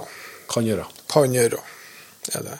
Men så ser jeg jo etter hvert at eh, yngre jegere, de er jo Altså, de har tatt Sånn jeg ser det, jeg har ikke tatt jegerprøven. Eh, Nå så tar jeg jo med alle dem som, eh, som skal bli jegere, har jo jegerprøven. Og jeg ser jo på skolen at det, det er vel, altså ungdommer er veldig disiplinert. Ja. Det er helt annerledes enn jeg hører om, eh, om eh, karene til kompisene mine, sånn eh, farene, fedrene deres, da, som satt på, gikk ut når det- var mørkt, satt på post hele dagen, og så gikk de av når det, når det var mørkt. Og så de elg, så skjøt de for å, for å stoppe den. Ja. Få på en, få på en brems, ja. Ja, få på en brems, de kunne gå etter, og så, og så avlive den. Sånn er det ikke lenger. Nei, vi er det er en helt annen setting. Vi er jo, det er sånn jeg sier, jeg ønsker å lære elevene mine at eh, her er det matøy, kortreist mat, sunn mat. Og Det er jo det som er litt greia, som jeg syns vi skal ta vare på det og bruke sånn en ressurs. For det er en kjemperessurs.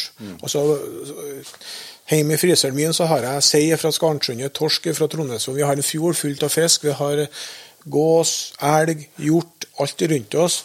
Og, og da er det mat som kommer ifra, uh, ifra Skogn. Ja. En ting jeg må tenke på, Åge Morten, når vi snakker om det med skoler og elevene, du har vært der i ti år nå. Det må ha vært en del uh heftige opplevelser sånn for dine som lærer. Få, du har jo fått vært med på en del som har fått sitt første vilt. da. Ja. Det er jo det som har gjort at jeg har jo sjelden med meg våpen når jeg er hjemme med dem. Ja. Og det er jo fordi at jeg ser jo det at eh, den gleden som er når de får skutt sitt første vilt. Ja. Og når de er f.eks. på bukkjakt og, og skyter eh, en bukk, så hvis, det, hvis dyret går av åkeren og ikke ser det, eh, så må de ringe på meg, så kommer jeg med hund. Og Der er en spesiell ei opplevelse. Da gikk etter. og han var, kom ned her. Han skalv, han har skutt rådyr. og jeg var ja, Mye seg opp i hodet på han. Og så gikk vi etter 100 meter. Så så jeg rådyret, og så bare snudde jeg meg og gratulerte. Og bare se de øynene på han, da, det var, det var en stor jaktopplevelse for meg. Ja, ja. Så da var jeg bortover, og så, og så fikk han gjøre opp i årene, og ja, det var en kjempeopplevelse. Ja. Og han eh, ser jeg på Instagram er en meget ivrig jeger i dag òg. Og han har ikke jakta så veldig mye før han kom hit. Nei. Og dere vil jeg tro er bare ei. Ja, Ei, så har jeg jo en annen artig opplevelse. Det er en sånn eh, Hvis han hører på meg nå, så eh, Det er en plass i skogen jeg har et sånn haglsverm stående til Grantel. Han fikk rådyr på meget kort hold, og så dro han av, og så traff han, eh, eh, grantreet. Ja. Vi gikk ettersøk av det på rådyret, men eh, jeg tror ikke det var noe hagl til rådyret. For eh, jeg har bilder, og det bruker jeg sende til han hver gang jeg går forbi der. Og så får jeg, får jeg svar på, på tilbake med en sånn finger som står rett opp. Og så ble det litt småpliring. da. Han gikk her for åtte-ni år siden. Du kan se sporene ennå. ja. Nei, det, må, det som som er unikt eh, altså det, At folk eh, At det er mye gode lærere rundt omkring, det er jo ikke noe tvil om. Lærergjerningen er jo ekstremt viktig for samfunnet. Men, men det å kunne være lærer i den settingen som du er, og som du sier, altså, der det handler om ja, det mellommenneskelige og det å i hermetegn utdanna som menneske, eh, og få lov til å Jeg vil jo tro at du ser ganske, altså, det kan skje ganske mye med dem som de kan være ganske Altså, de har fått blitt tryggere på seg sjøl det året de er og liksom utvikla seg sjøl. Eh, og ha fokus på det. Det må være en eh, givende, givende jobb. Ja, det er en kjempegivende jobb. Og det er jo mange som utvikler seg veldig mye. Og så når jeg ser at eh, Det er jo så veldig lett å sette diagnoser på folk i dag, men jeg har jo begynt på elevene mine, så da setter jeg dem som navn. For vi er alle forskjellige. mm. på godt og vondt. Ja. Eh, men når de kommer på skolen til oss, så ønsker jeg egentlig at de setter litt sånn De starter her til en ny start. Ja. Og så må de prøve å være seg sjøl. Det er det, det viktigste. Og så er vi jo Vi har jo mange positive sider, og mange ting som vi egentlig er flinke på. Men vi, vi blir jo liksom ikke hørt på hva vi er flinke på. Vi er veldig flinke til å fortelle hva vi er dårlige til. Ja. Så det, det var en av mottoene på skolen vår å ta noen på fersken og gjøre noe bra. Ja. Så det er en ting jeg prøver å, å få inn til elevene, at du får fokusert på det vi får til. Ja. For det vi ikke får til, det Det forsvinner ikke. Nei, altså det vet jo ofte uh, sjøl hva det er for noe, da. Men samtidig så trenger du jo et eh, revspark Ja. for å komme seg i gang. Og da har vi jo et ordtak som sier at vi skal gi elevene våre et revspark med empati. Ja. Og det er litt sånn altså Jeg syns det er et ganske godt uttrykk, egentlig. fordi at eh, altså, En konstruktiv tilbakemelding, den, det er litt viktig å få høre om det vi ikke er gode til òg. Men da må vi gjøre det på en konstruktiv måte. Det at det går an å ta tak i. Ja. Og så gjøre noe med det. Ja. Og så er det veldig greit, syns jeg, på skolen til oss, for at eh, vi, vi, vi kaller en spade for en spade. Jeg liker ikke å gå noe sånn rundt grauten. Er det noe, så, så må vi ta det opp der og da. Mm. Utfordringa med det er at eh, det må jeg òg tøle sjøl. Ja.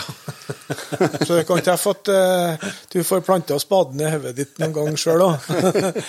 og, det må og det er lærerikt. ja. Er det. Det setter jeg pris på, egentlig. Men eh, hvordan er det for deg som lærer for den her eh, eh, Lærer du noe nytt som jeger av elevene som kommer hit, eller? Ja.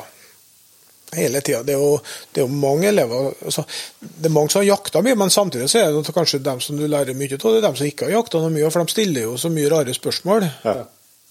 Og da må en jo gruble over Ja, kanskje det Kanskje det er noe med det. Så, og likens, vi har jo veldig mange gode fiskere rundt omkring òg. Og nei, Det er masse av elever som kommer hit som har veldig god erfaring. og Mange har vært aktive skyttere, aktive med hunder.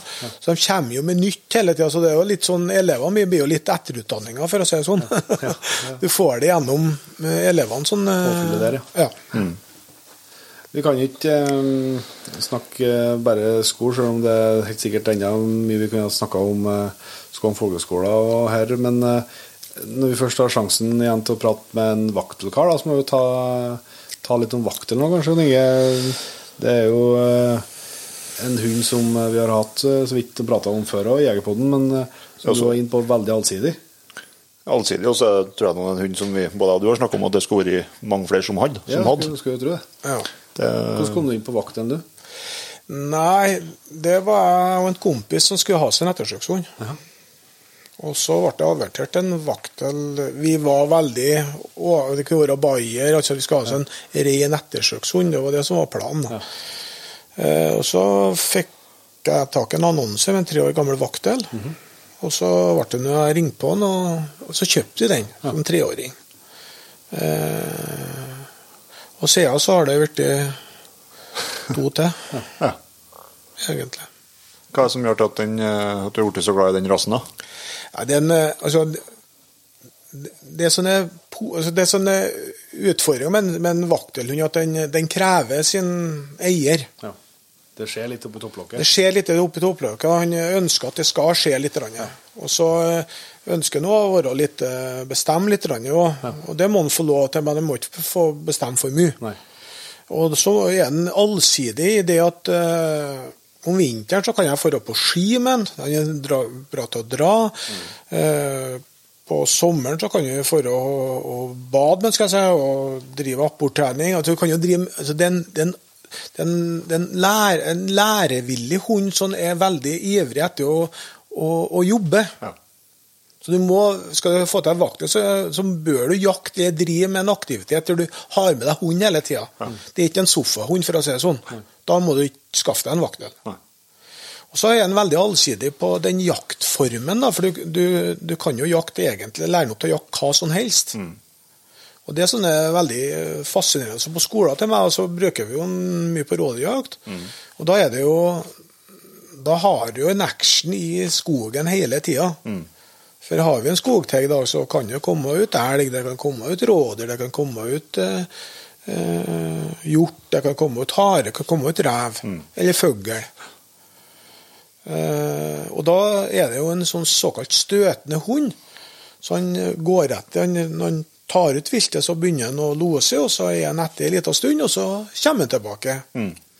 I forhold til dreveren min, for rådyrlos, så kan en jo lose tur godt, og det kan være veldig spennende, men så er vi litt for mange poster, så ber seg ut, og så blir vi sittende der. og? Det var den dagen godt. Da er da er det greit å ha en par vakler i bilen Ja. når han fører ut terrenget. Ja. Så nå har jeg vært en del oppe i Nærøya og jakta, og der eh, er det litt artig, for da slipper jeg vakten først, og så, nei, eh, dreveren først, og så får jeg los på den, og så kan jeg dra på med vaktelen etterpå. Da. Ja, en fin kombo sånn. Veldig fin. Ja. Og så sånn sagt eh, allsida, så er han jo eh, en god ettersøkshund. De skal, de skal jage etter noen, noen minutter. Det har, har jeg forstått tidligere at det er litt, det er litt eh, hva skal jeg si, litt variabelt da, hvor, hvor langt de jager. Men har, jager de lenger på noen ting, eller er det noen ting de prefererer? Altså Hvis du står en, hvis det er en haug med, med hare, elg og rådyr, er det noen ting de prefererer å jage ut først? Eh, nei, erfaringa mi er det at det er en finn først, jager den først. Ja. Men hvor lenge Du har, eh, du har bare hatt den strategien fra du begynte å jage dem, at de, du, du skjøt dem jager, skal jeg si. At ikke du har lov til å skjøte, skjønner jeg.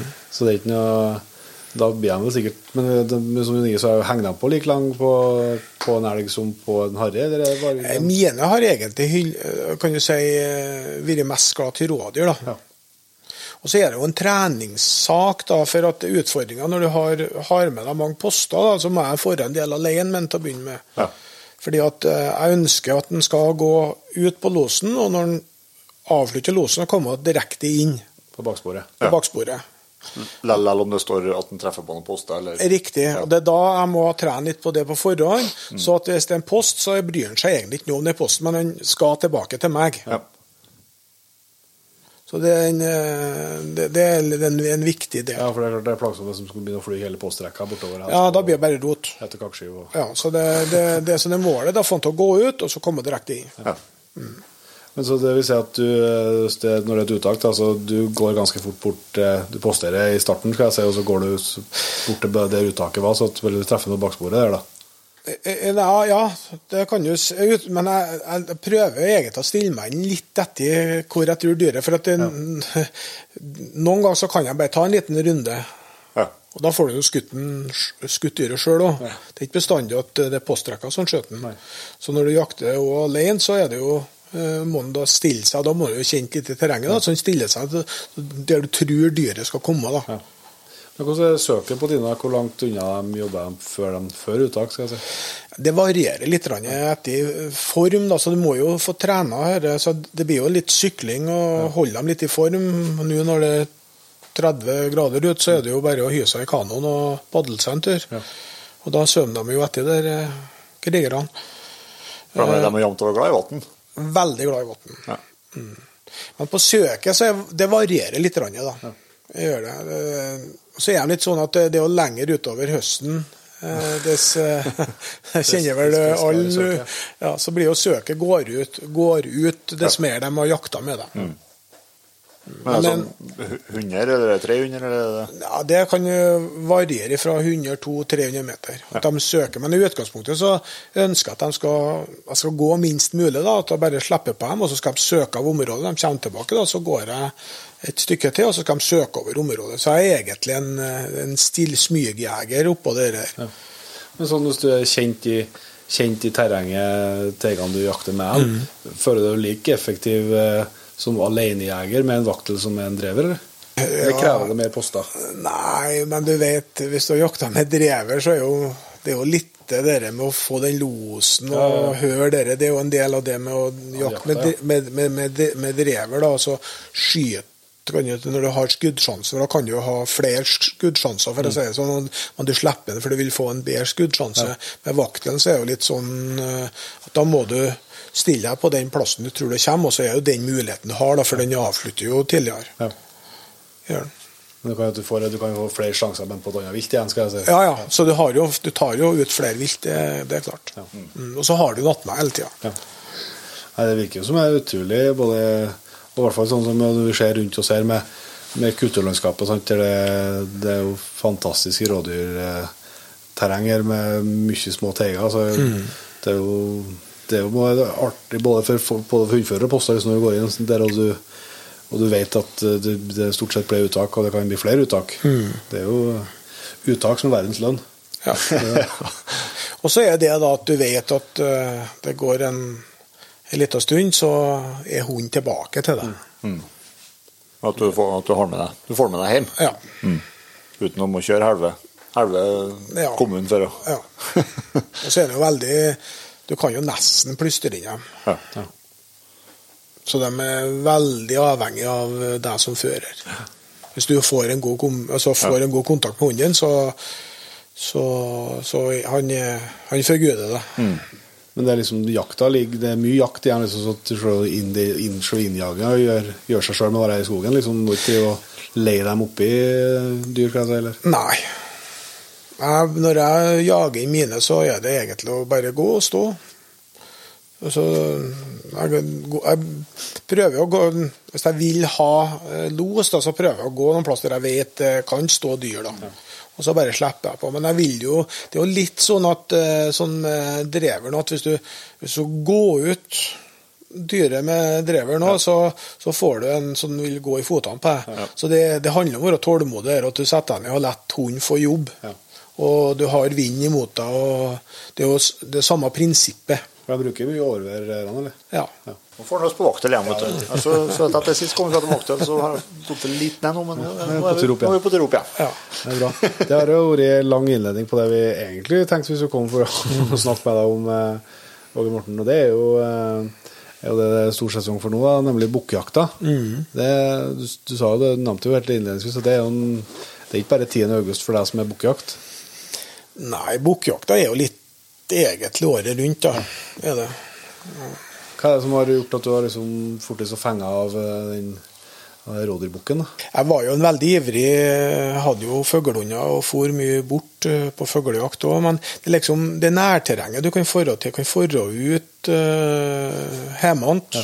og, og jakt. Det er vel kanskje det som er det største drivet har vært da. Så kommer jeg jo bestemor fortalte at uh, nesten når jeg klarte å gå, skal jeg si, så var han i Brokstien og la ut høy til rådyra. Så jeg var veldig ivrig, tror jeg, fra jeg var liten, og dette med rådyr. Så det var et, for det var et fint dyr. Eh, men det var jo ikke mye rådyr eh, på Skogn uh, før, men det, det har jo blitt mye av nå, da. Ja. Så det er vel noe som har hynget til meg lenge, tror jeg. Eh, og så er det jo for å observere og se, da. Se om du finner noen fine bukker, da. Har du årets bukk klar, Jeg har ikke fått å fire så mye i år nå, men jeg tror jeg har en på luringa, ja. Jeg har det, ja. Føler du å kikke mye med kikkert og spille, Ja, eller bruker mye- du mye viltkamera, eller? Ja, siste året så har jeg blitt mer viltkamera. Ja. Men eh, det er jo kikkert. Så er det jo ut og, og se, da. Mm. Er det. Og så er det jo litt sånn egentlig når du er ferdig med bokjakta så handler det vel- så, Jeg vet ikke om det har så veldig mye å si, men eh, det, så En må passe på å skyte, at ikke skyte alt som er bukk. Bør en ikke skyte, for å si det sånn. da. Jeg, prøver å unngå å skyte noe mye eh, bukker etter bukkjakta. Så under bukkjakta så prøver jeg å, å la kan du si, småbukkene og mellombukkene gå. Så Jeg prøver å skjøte bare storbukk. Og så har jeg jo skutt så mye over at jeg er jo ikke nødt til å skyte noen bukk under jakta heller. Så hvis det, ikke er noen, noen hold til, skal jeg si, så lar jeg det heller være. For det detter jo som regel noen bukker under, eh, under hundjakta òg. Så da sparer jeg til der i stedet. Ja.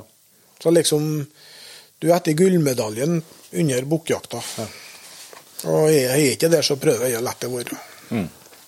Hva, hva er det, når er det liksom er det fra Nå er vi jo i slutten på juni. Er liksom er det det her helga halve måneden som gjenstår, liksom det du bruker mest tid på liksom å finne reviret og finne hvor, de, hvor bukken er igjen i år? da?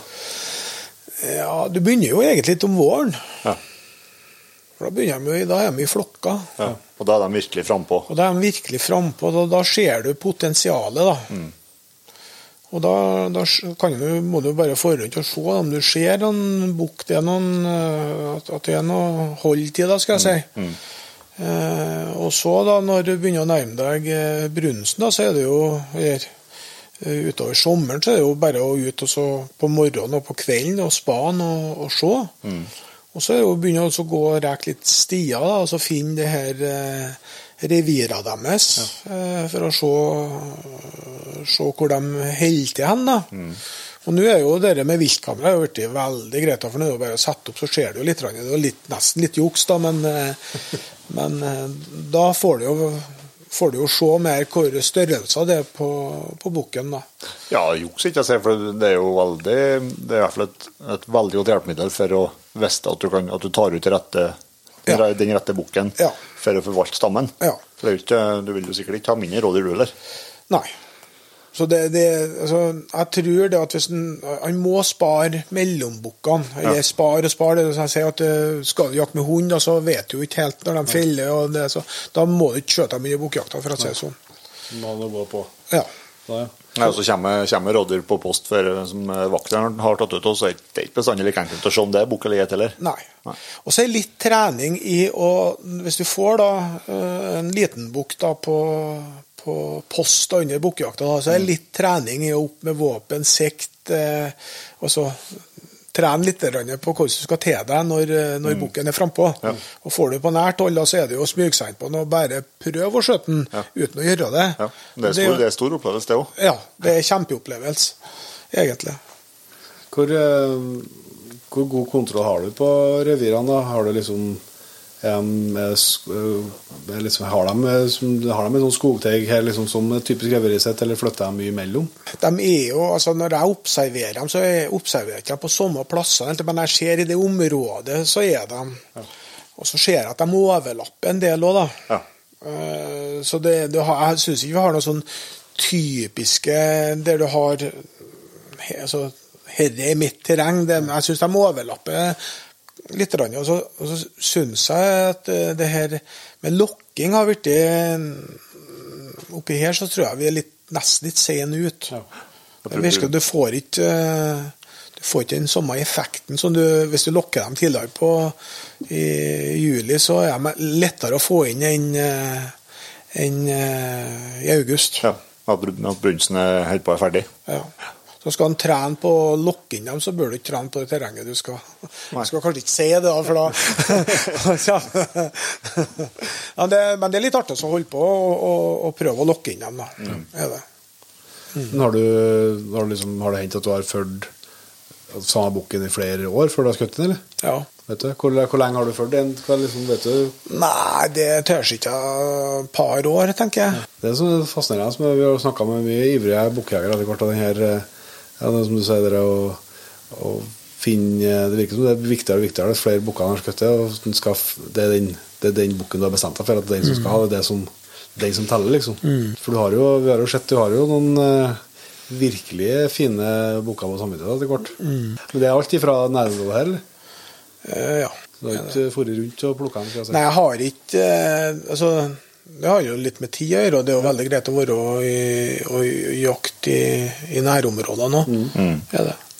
Men det, det handler jo om at eh, det blir jo sånn det, det som jeg sier etter jakta, så er jo da tar det jo vare og forsvarer det her dyra igjen. da, vet så? Det er jo liksom, når du jakter, så er, det, er du på for å få tak i det og det individet. og så etter jakta så vil jeg jo helst ikke at de skal forstyrres her nå. Da, vet du, så er det noen løshunder sånn da, så blir jeg jo litt småirritert. Da, for, du, da, da skal de være- i fred. Men sånn jeg tenker sånn at eh, jeg syns jo kanskje Altså, skyte eh, bukker i august, det, er, altså, det kan være varmt, og det får ikke den samme kvalitet på kjøttet. trenger å gjøre, så Det er ikke da jeg syns uttaket skal være det største, tenker jeg. da.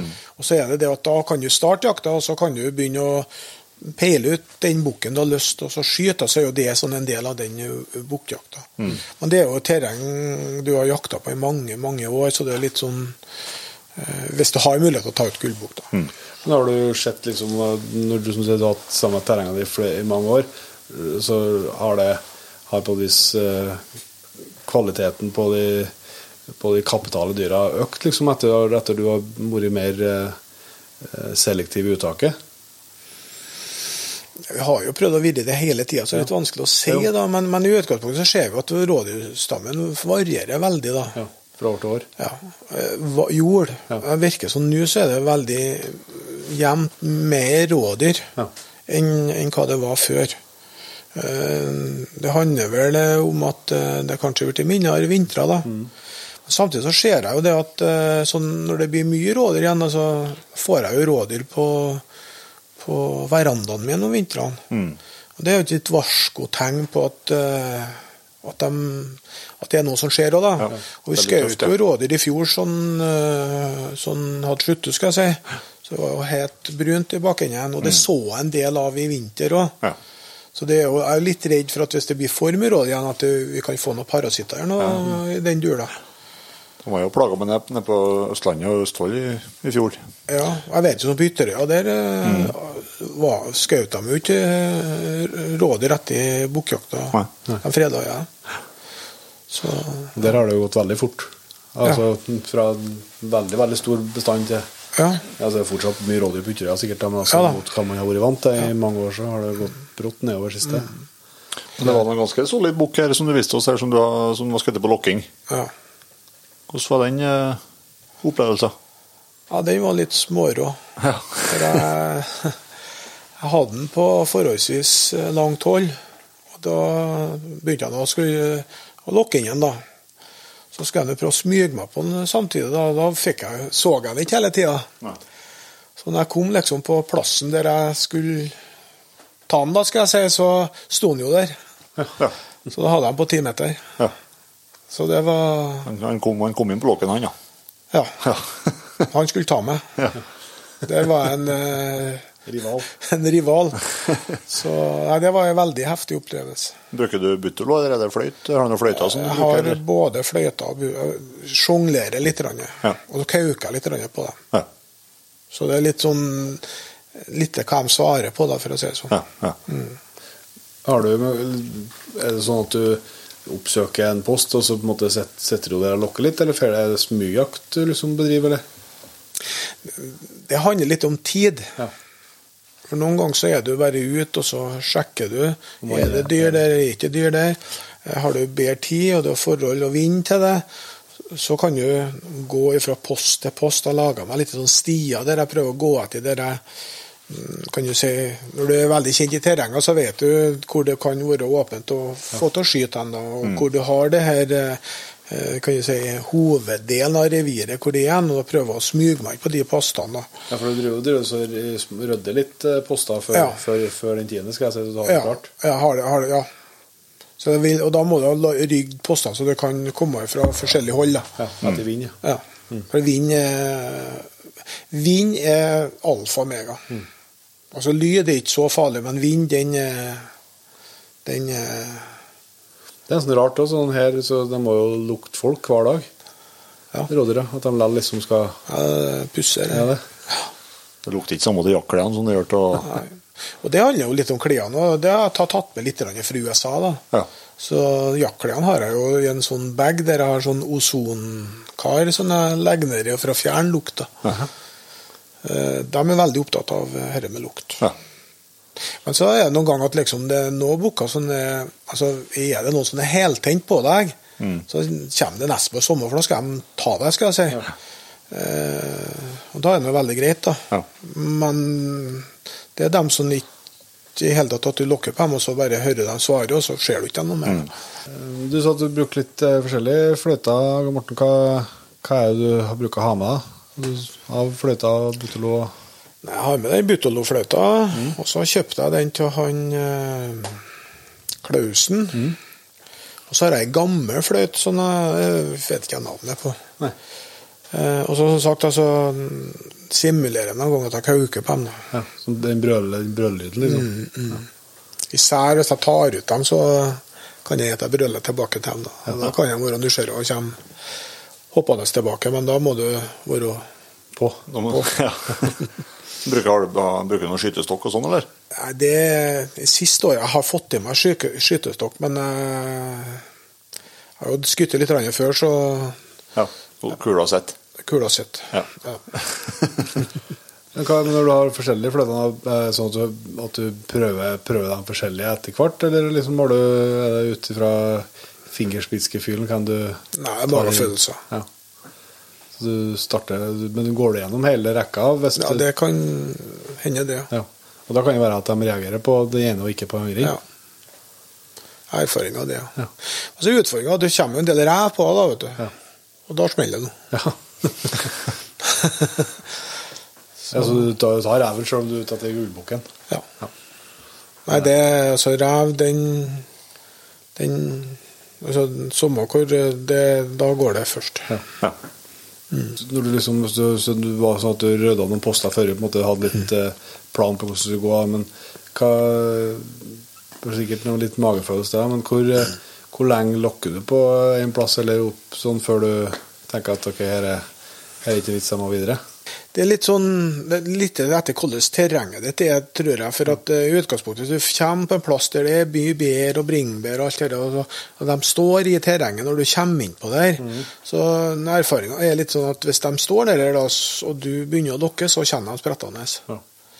Og gjør de ikke det, og du hyller på en liten stund, så, og det ikke kommer noen, så prøver jeg å gå til neste eh, plass. da. Ja. Og det er jo litt etter magefølelsen hvor lenge du kan holde på, da. Men ofte så bruker jeg å gå ut når det Altså hvis jeg går ut når det er mørkt, da, På morgenen? på morgenen, så sitter jeg der eh, og bruker mesteparten av den tida. For det er sånne eh, hot-spoten, for å si det sånn, da.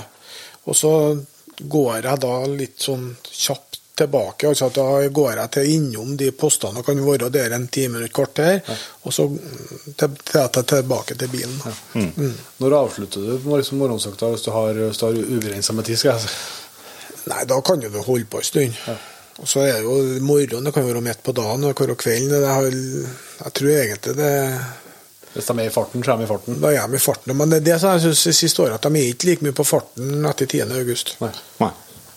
Jeg syns at brusen har vært kommet tidligere. Ja.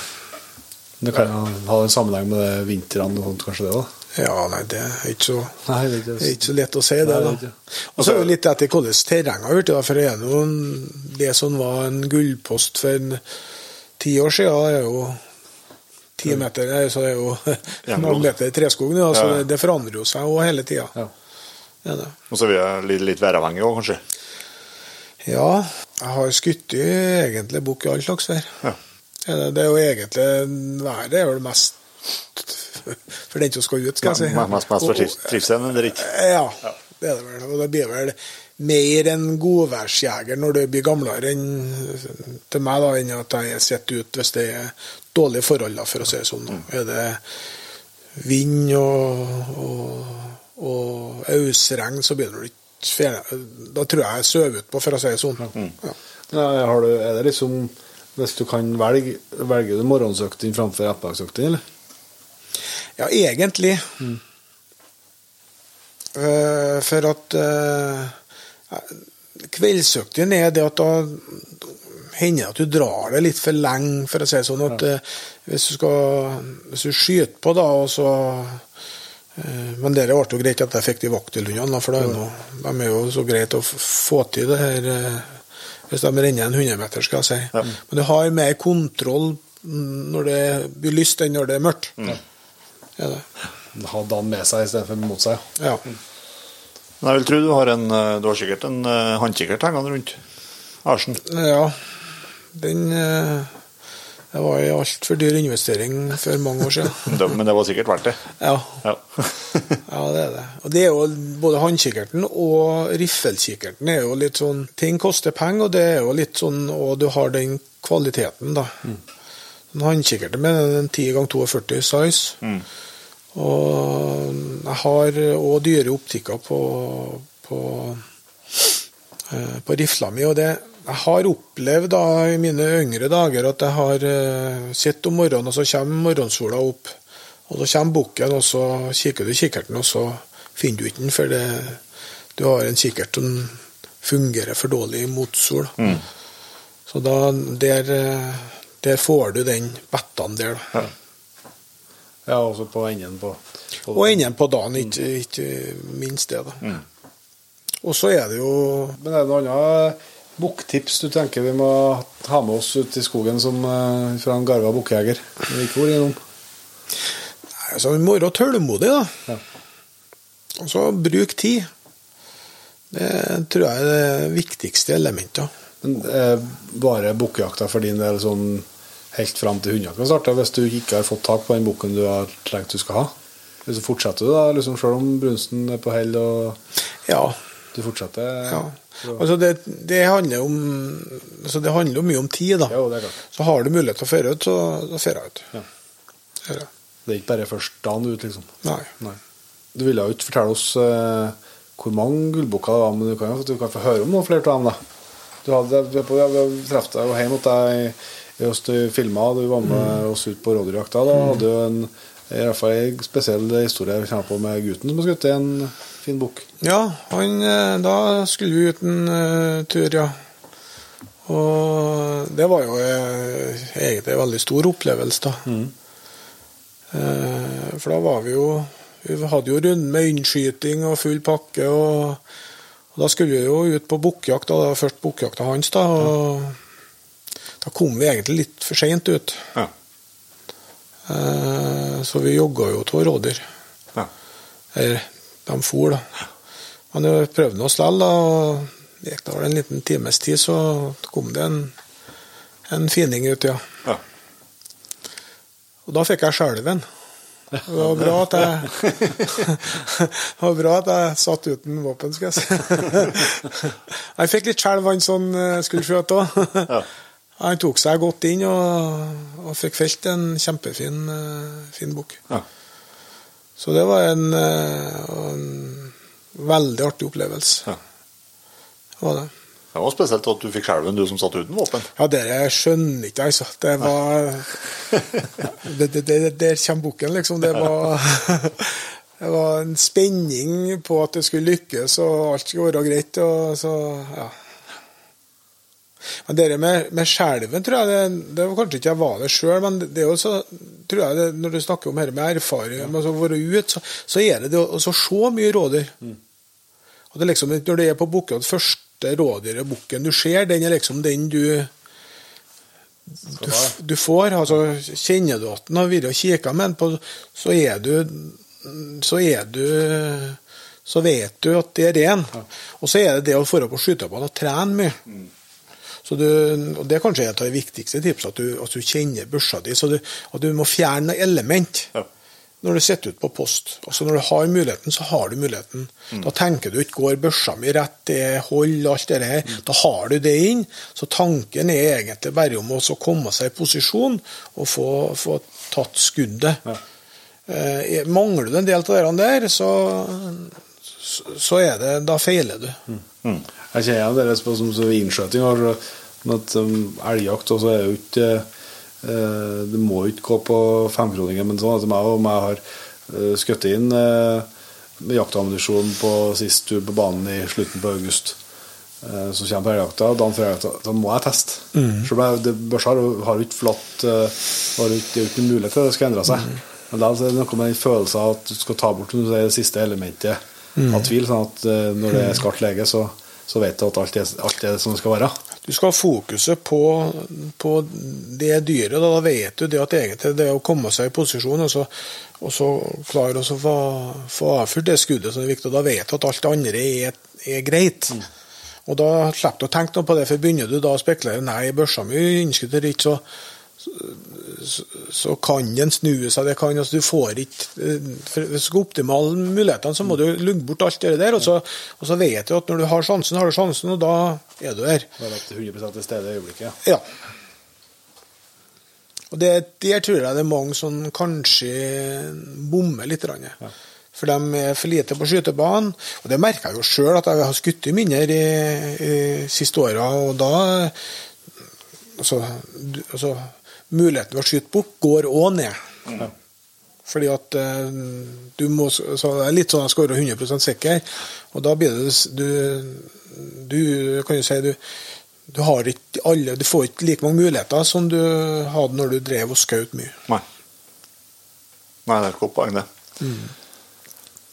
Hvis vi skal begynne å gå inn litt for landing etter hvert, Ove Morten, så, så kom du med et veldig godt eh, tips her. Altså nesten frekt å spørre om et godt jakttips til, men du gjør det nå likevel. Hvis du skal trekke fram ditt beste jakttips. Ja, det er jo forholdsvis eh, enkelt. Det er å være mye ut. Det er det som er det beste jakttipset. Være mye ut, trene mye, skyting. Ut og spane, se.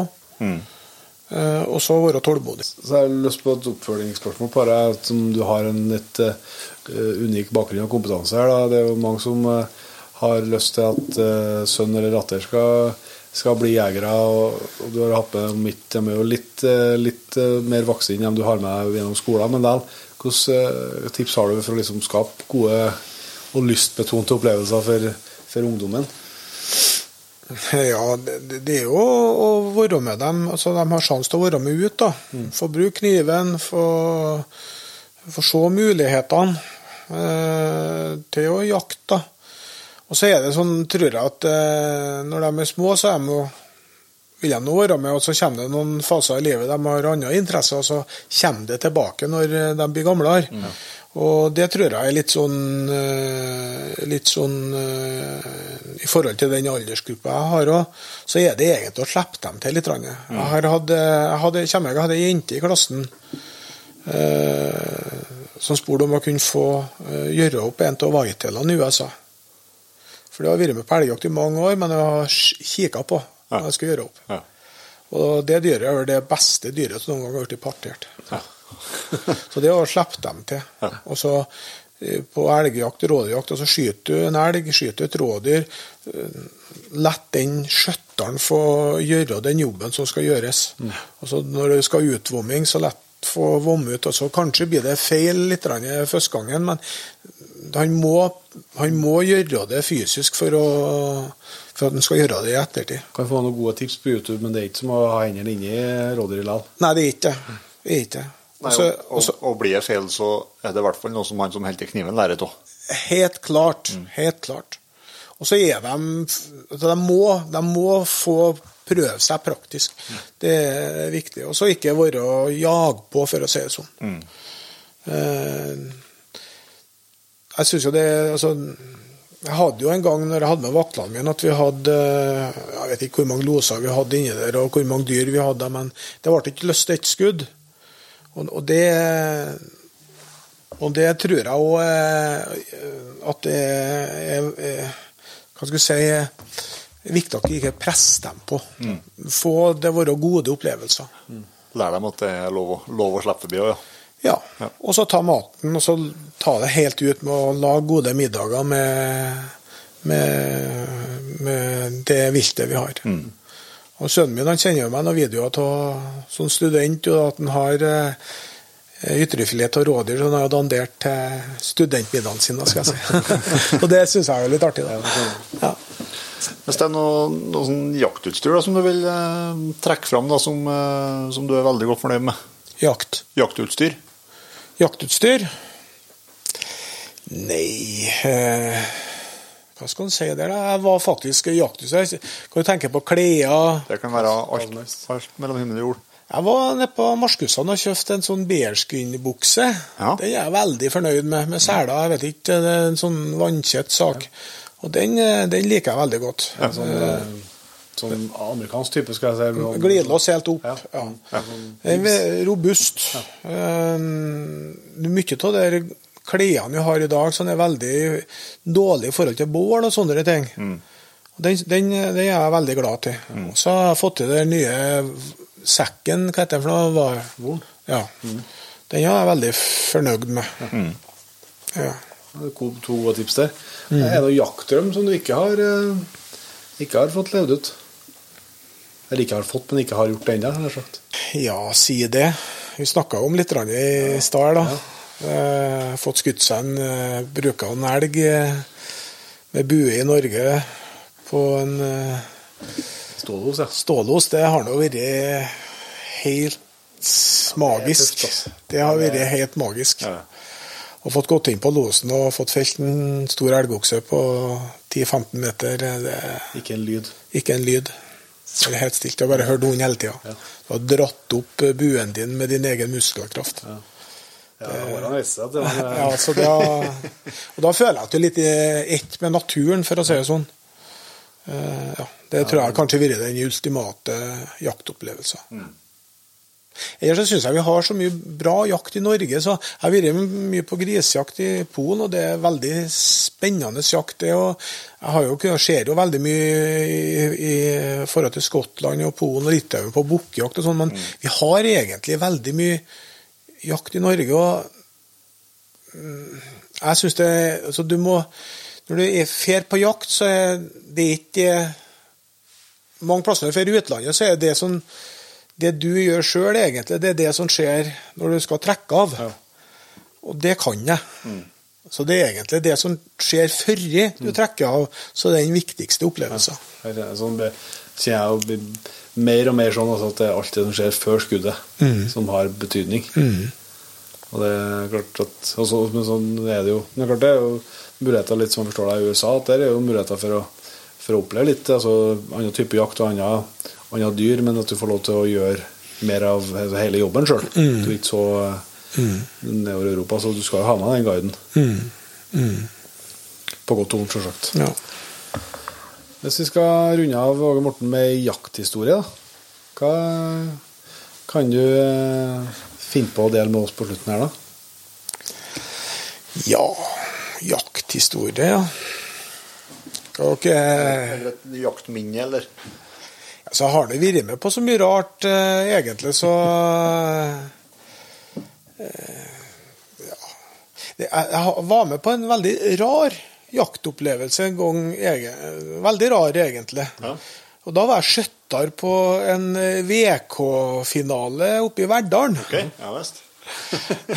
på fuglejakt. Ja. På fuglehund. Ja, og da kommer jeg Jeg, skjøt rypa i en kjempefin stand. Ja. Og han eieren han sendte på hund og skulle rapportere. Og hunden for ut og kom tilbake. Og det der var en sikker rapportør. Ja. Og han sendte ut hunden en gang til. Og kom tilbake uten ryp. Så det endte opp på at vi gikk fram, da. Ja.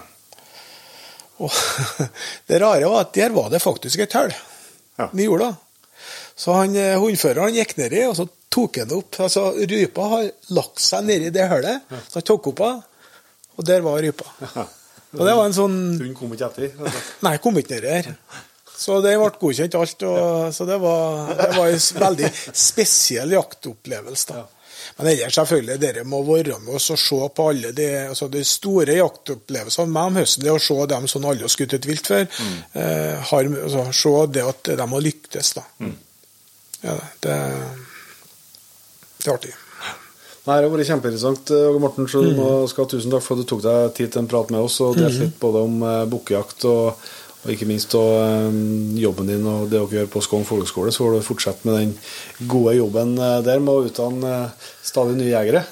Det setter vi pris på. Og så mm. sier vi bare takk for praten. tror jeg. Tusen takk. Takk for praten. Mm. Det var altså Åge Morten Veimo fra Levanger Skogn. eh, En veldig allsidig og ivrig jeger, det, gitt. Det er det. Og uh, virkelig en som jobber for rekruttering òg. Det må du kunne si. det er artig å høre om. Jeg vet jo at vi har fått mye tips fra hans eh, tidligere elever om at vi bør ta en prat med han Mm. Sånn at jeg vet at han er en, en godt likt lærer og en godt likt jeger å ha med seg i skogen. Og det er det vel gode grunner til. Og så håper jeg kanskje at dette kunne være til inspirasjon for noen eh, unge jegere som hører på Jegerpodden, som enten om de begynte i Skogn, men det er, jo, det er jo mange gode jakt- og fiskelinjer rundt om i landet. Vi hadde jo med eh, ganske lenge siden, at back in the day på Jegerpoddens historie, så hadde vi jo en eh, prat om jakt- og fiskelinja, eller for jaktlinja på, i Hardanger. Ja. Eh, og så vet jeg jo at det er noen veldig gode oppe i Alta. Oppe i Alta så, og det er sikkert enda flere som ikke jeg kjenner til òg. Så det, er- for å si det sånn, hvis jeg hadde vært eh, Ung og lovende. ung og lovende og kjent eh, litt mer de mulighetene der når jeg skulle ta mitt valg jeg skulle gjøre etter videregående, så har jeg nok fort trykket på et sånt år, ja. En eller annen plassen. Ja, det, det, er jo, det er jo greit å ta seg et år og kjenne litt på hva man skal bli når man blir voksen. Ja, ja og så ja, tror jeg du får så mye igjen eh, i form av også enig, at du får litt nye jaktopplevelser av å prøve ny jakt, sånn, men ikke minst det er nettverket. Ja. Eh, kanskje spesielt hvis du, ja, hvis, det, hvis du tar så mye jegere rundt deg, enten i vennekretsen eller i familien, eller sånn, så, Mm. så får du utrolig mye gratis. eh, Du, du, tett, du knytter tette bånd et sånt år. Ja, ja, ja. Eh, vet jeg om det er mye venner som, som har liksom fortsatt uh, mer eller mer daglig kontakt med folk de ble kjent med i utgangspunktet på folkehøgskolen. Mm. Så det er vel verdt å, å spekulere på. Uh, og så har vi jo som sagt vært en måned av eh, av podkastluften, og det vil jo si at vi har ei lang rekke, heldigvis, da, med nyankomne inn i P3-laget, som vi får lov til å ønske hjertelig velkommen. Så vi starter på toppen av lista, sier vi hjertelig velkommen til Alf, Joakim, Jørgen Sengtan. Sengtann, Hans Jørgen, Christian Osen, Sven Aksel Modell, Sindre Harr Lian, Atle Rønning, Stian Sveum, André, Mia, Ole Borgos, Kåre Våbenø, Andreas Volla, Viktor L, Arnkjell Ring, Mona Thon, Thomas Føll, Joakim Bjørkum Støren, Jonas Austeng, Ole Martin Volla, Bjørnar Trebostad, Thomas Støen, Martin J, Torbjørn Doggen, Matti Eira, Benjamin Dahl Igeland, Tonje Balstad Furan, Martin Stranden, Tor Ottershagen, Andreas Mortensen, Thomas Martinussen, Ole Løvseth, Haugland 90, Hans Martin Rød, Jonas Olsen, Bjørn Tore Knutsen, Martin Brekke, Knut Eivind Skogen, Jarle, Trond Larsen, Bendik Førde, eh, Robin Ask Askjemhalten, ja, MK Nilsen, Nils Modell, Martin Bus Jensen, André Løkken, Eivind Bjelland, Ole Nordli, Børge Kjesbu. Eivind eh, Nordsveen, Ørjan Aune, Lasse, Frode Husum, eh, Kenneth Solhaug, Jon Lislien, Kåre Willy Lene, Stian, eh, Peder Gallen. Kristoffer Ring Tveten, Terje Rust, Sebastian Jonsson, Lasse Helg Hegglum eh, Skau, Ruben Fagerdal, Raymond Larsen, Mathias Vatnan, eh, Nikolai Kjus Glommen, Bjørn Erling Sogn, Ole Gjermund Kolbu, Torje Solås, Simen Bekken Morten André Storholm, og Anders Budal. Tusen hjertelig takk til alle dere, og selvsagt til alle sammen som allerede er med å utgjøre P3-laget. Har du vært med oss helt hit, så håper jeg at du kanskje har lyst til å bli med i jaktlaget hvis du ikke er det. Det er god eh, plass, og vi jobber oss jo stadig litt nærmere eh, målet om 3500 P3-en, som utløser en ny stortrekning om eh, bjørnejakt i Canada. Så det håper vi jo veldig at vi skal nå på et eller annet tidspunkt. Faktisk var vi på all time her i juli, så da, noen få nærmere kommer vi Ja, ja, ja. Det kan jo det kan hende snur. Kan det gå oppover, kan det gå nedover, vet vi ikke. Men i hvert fall så er nå jakthøsten endelig her, da, folkens, og vi er glad dere er tilbake. Det er deilig. Det er deilig. Og så sjekk gjerne ut jegerpodden.no. Der finner du nettbutikken vår eh, med litt eh, forskjellige greier til jakta. Og så eh, ser vi som bruker en Inge, så vi skal gjøre hver fredag utover hele høsten til neste gang. Vi høres.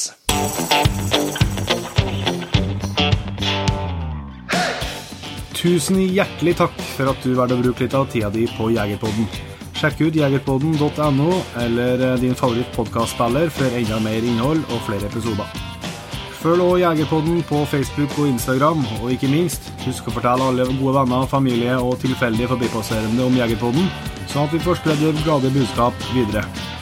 Vi høres.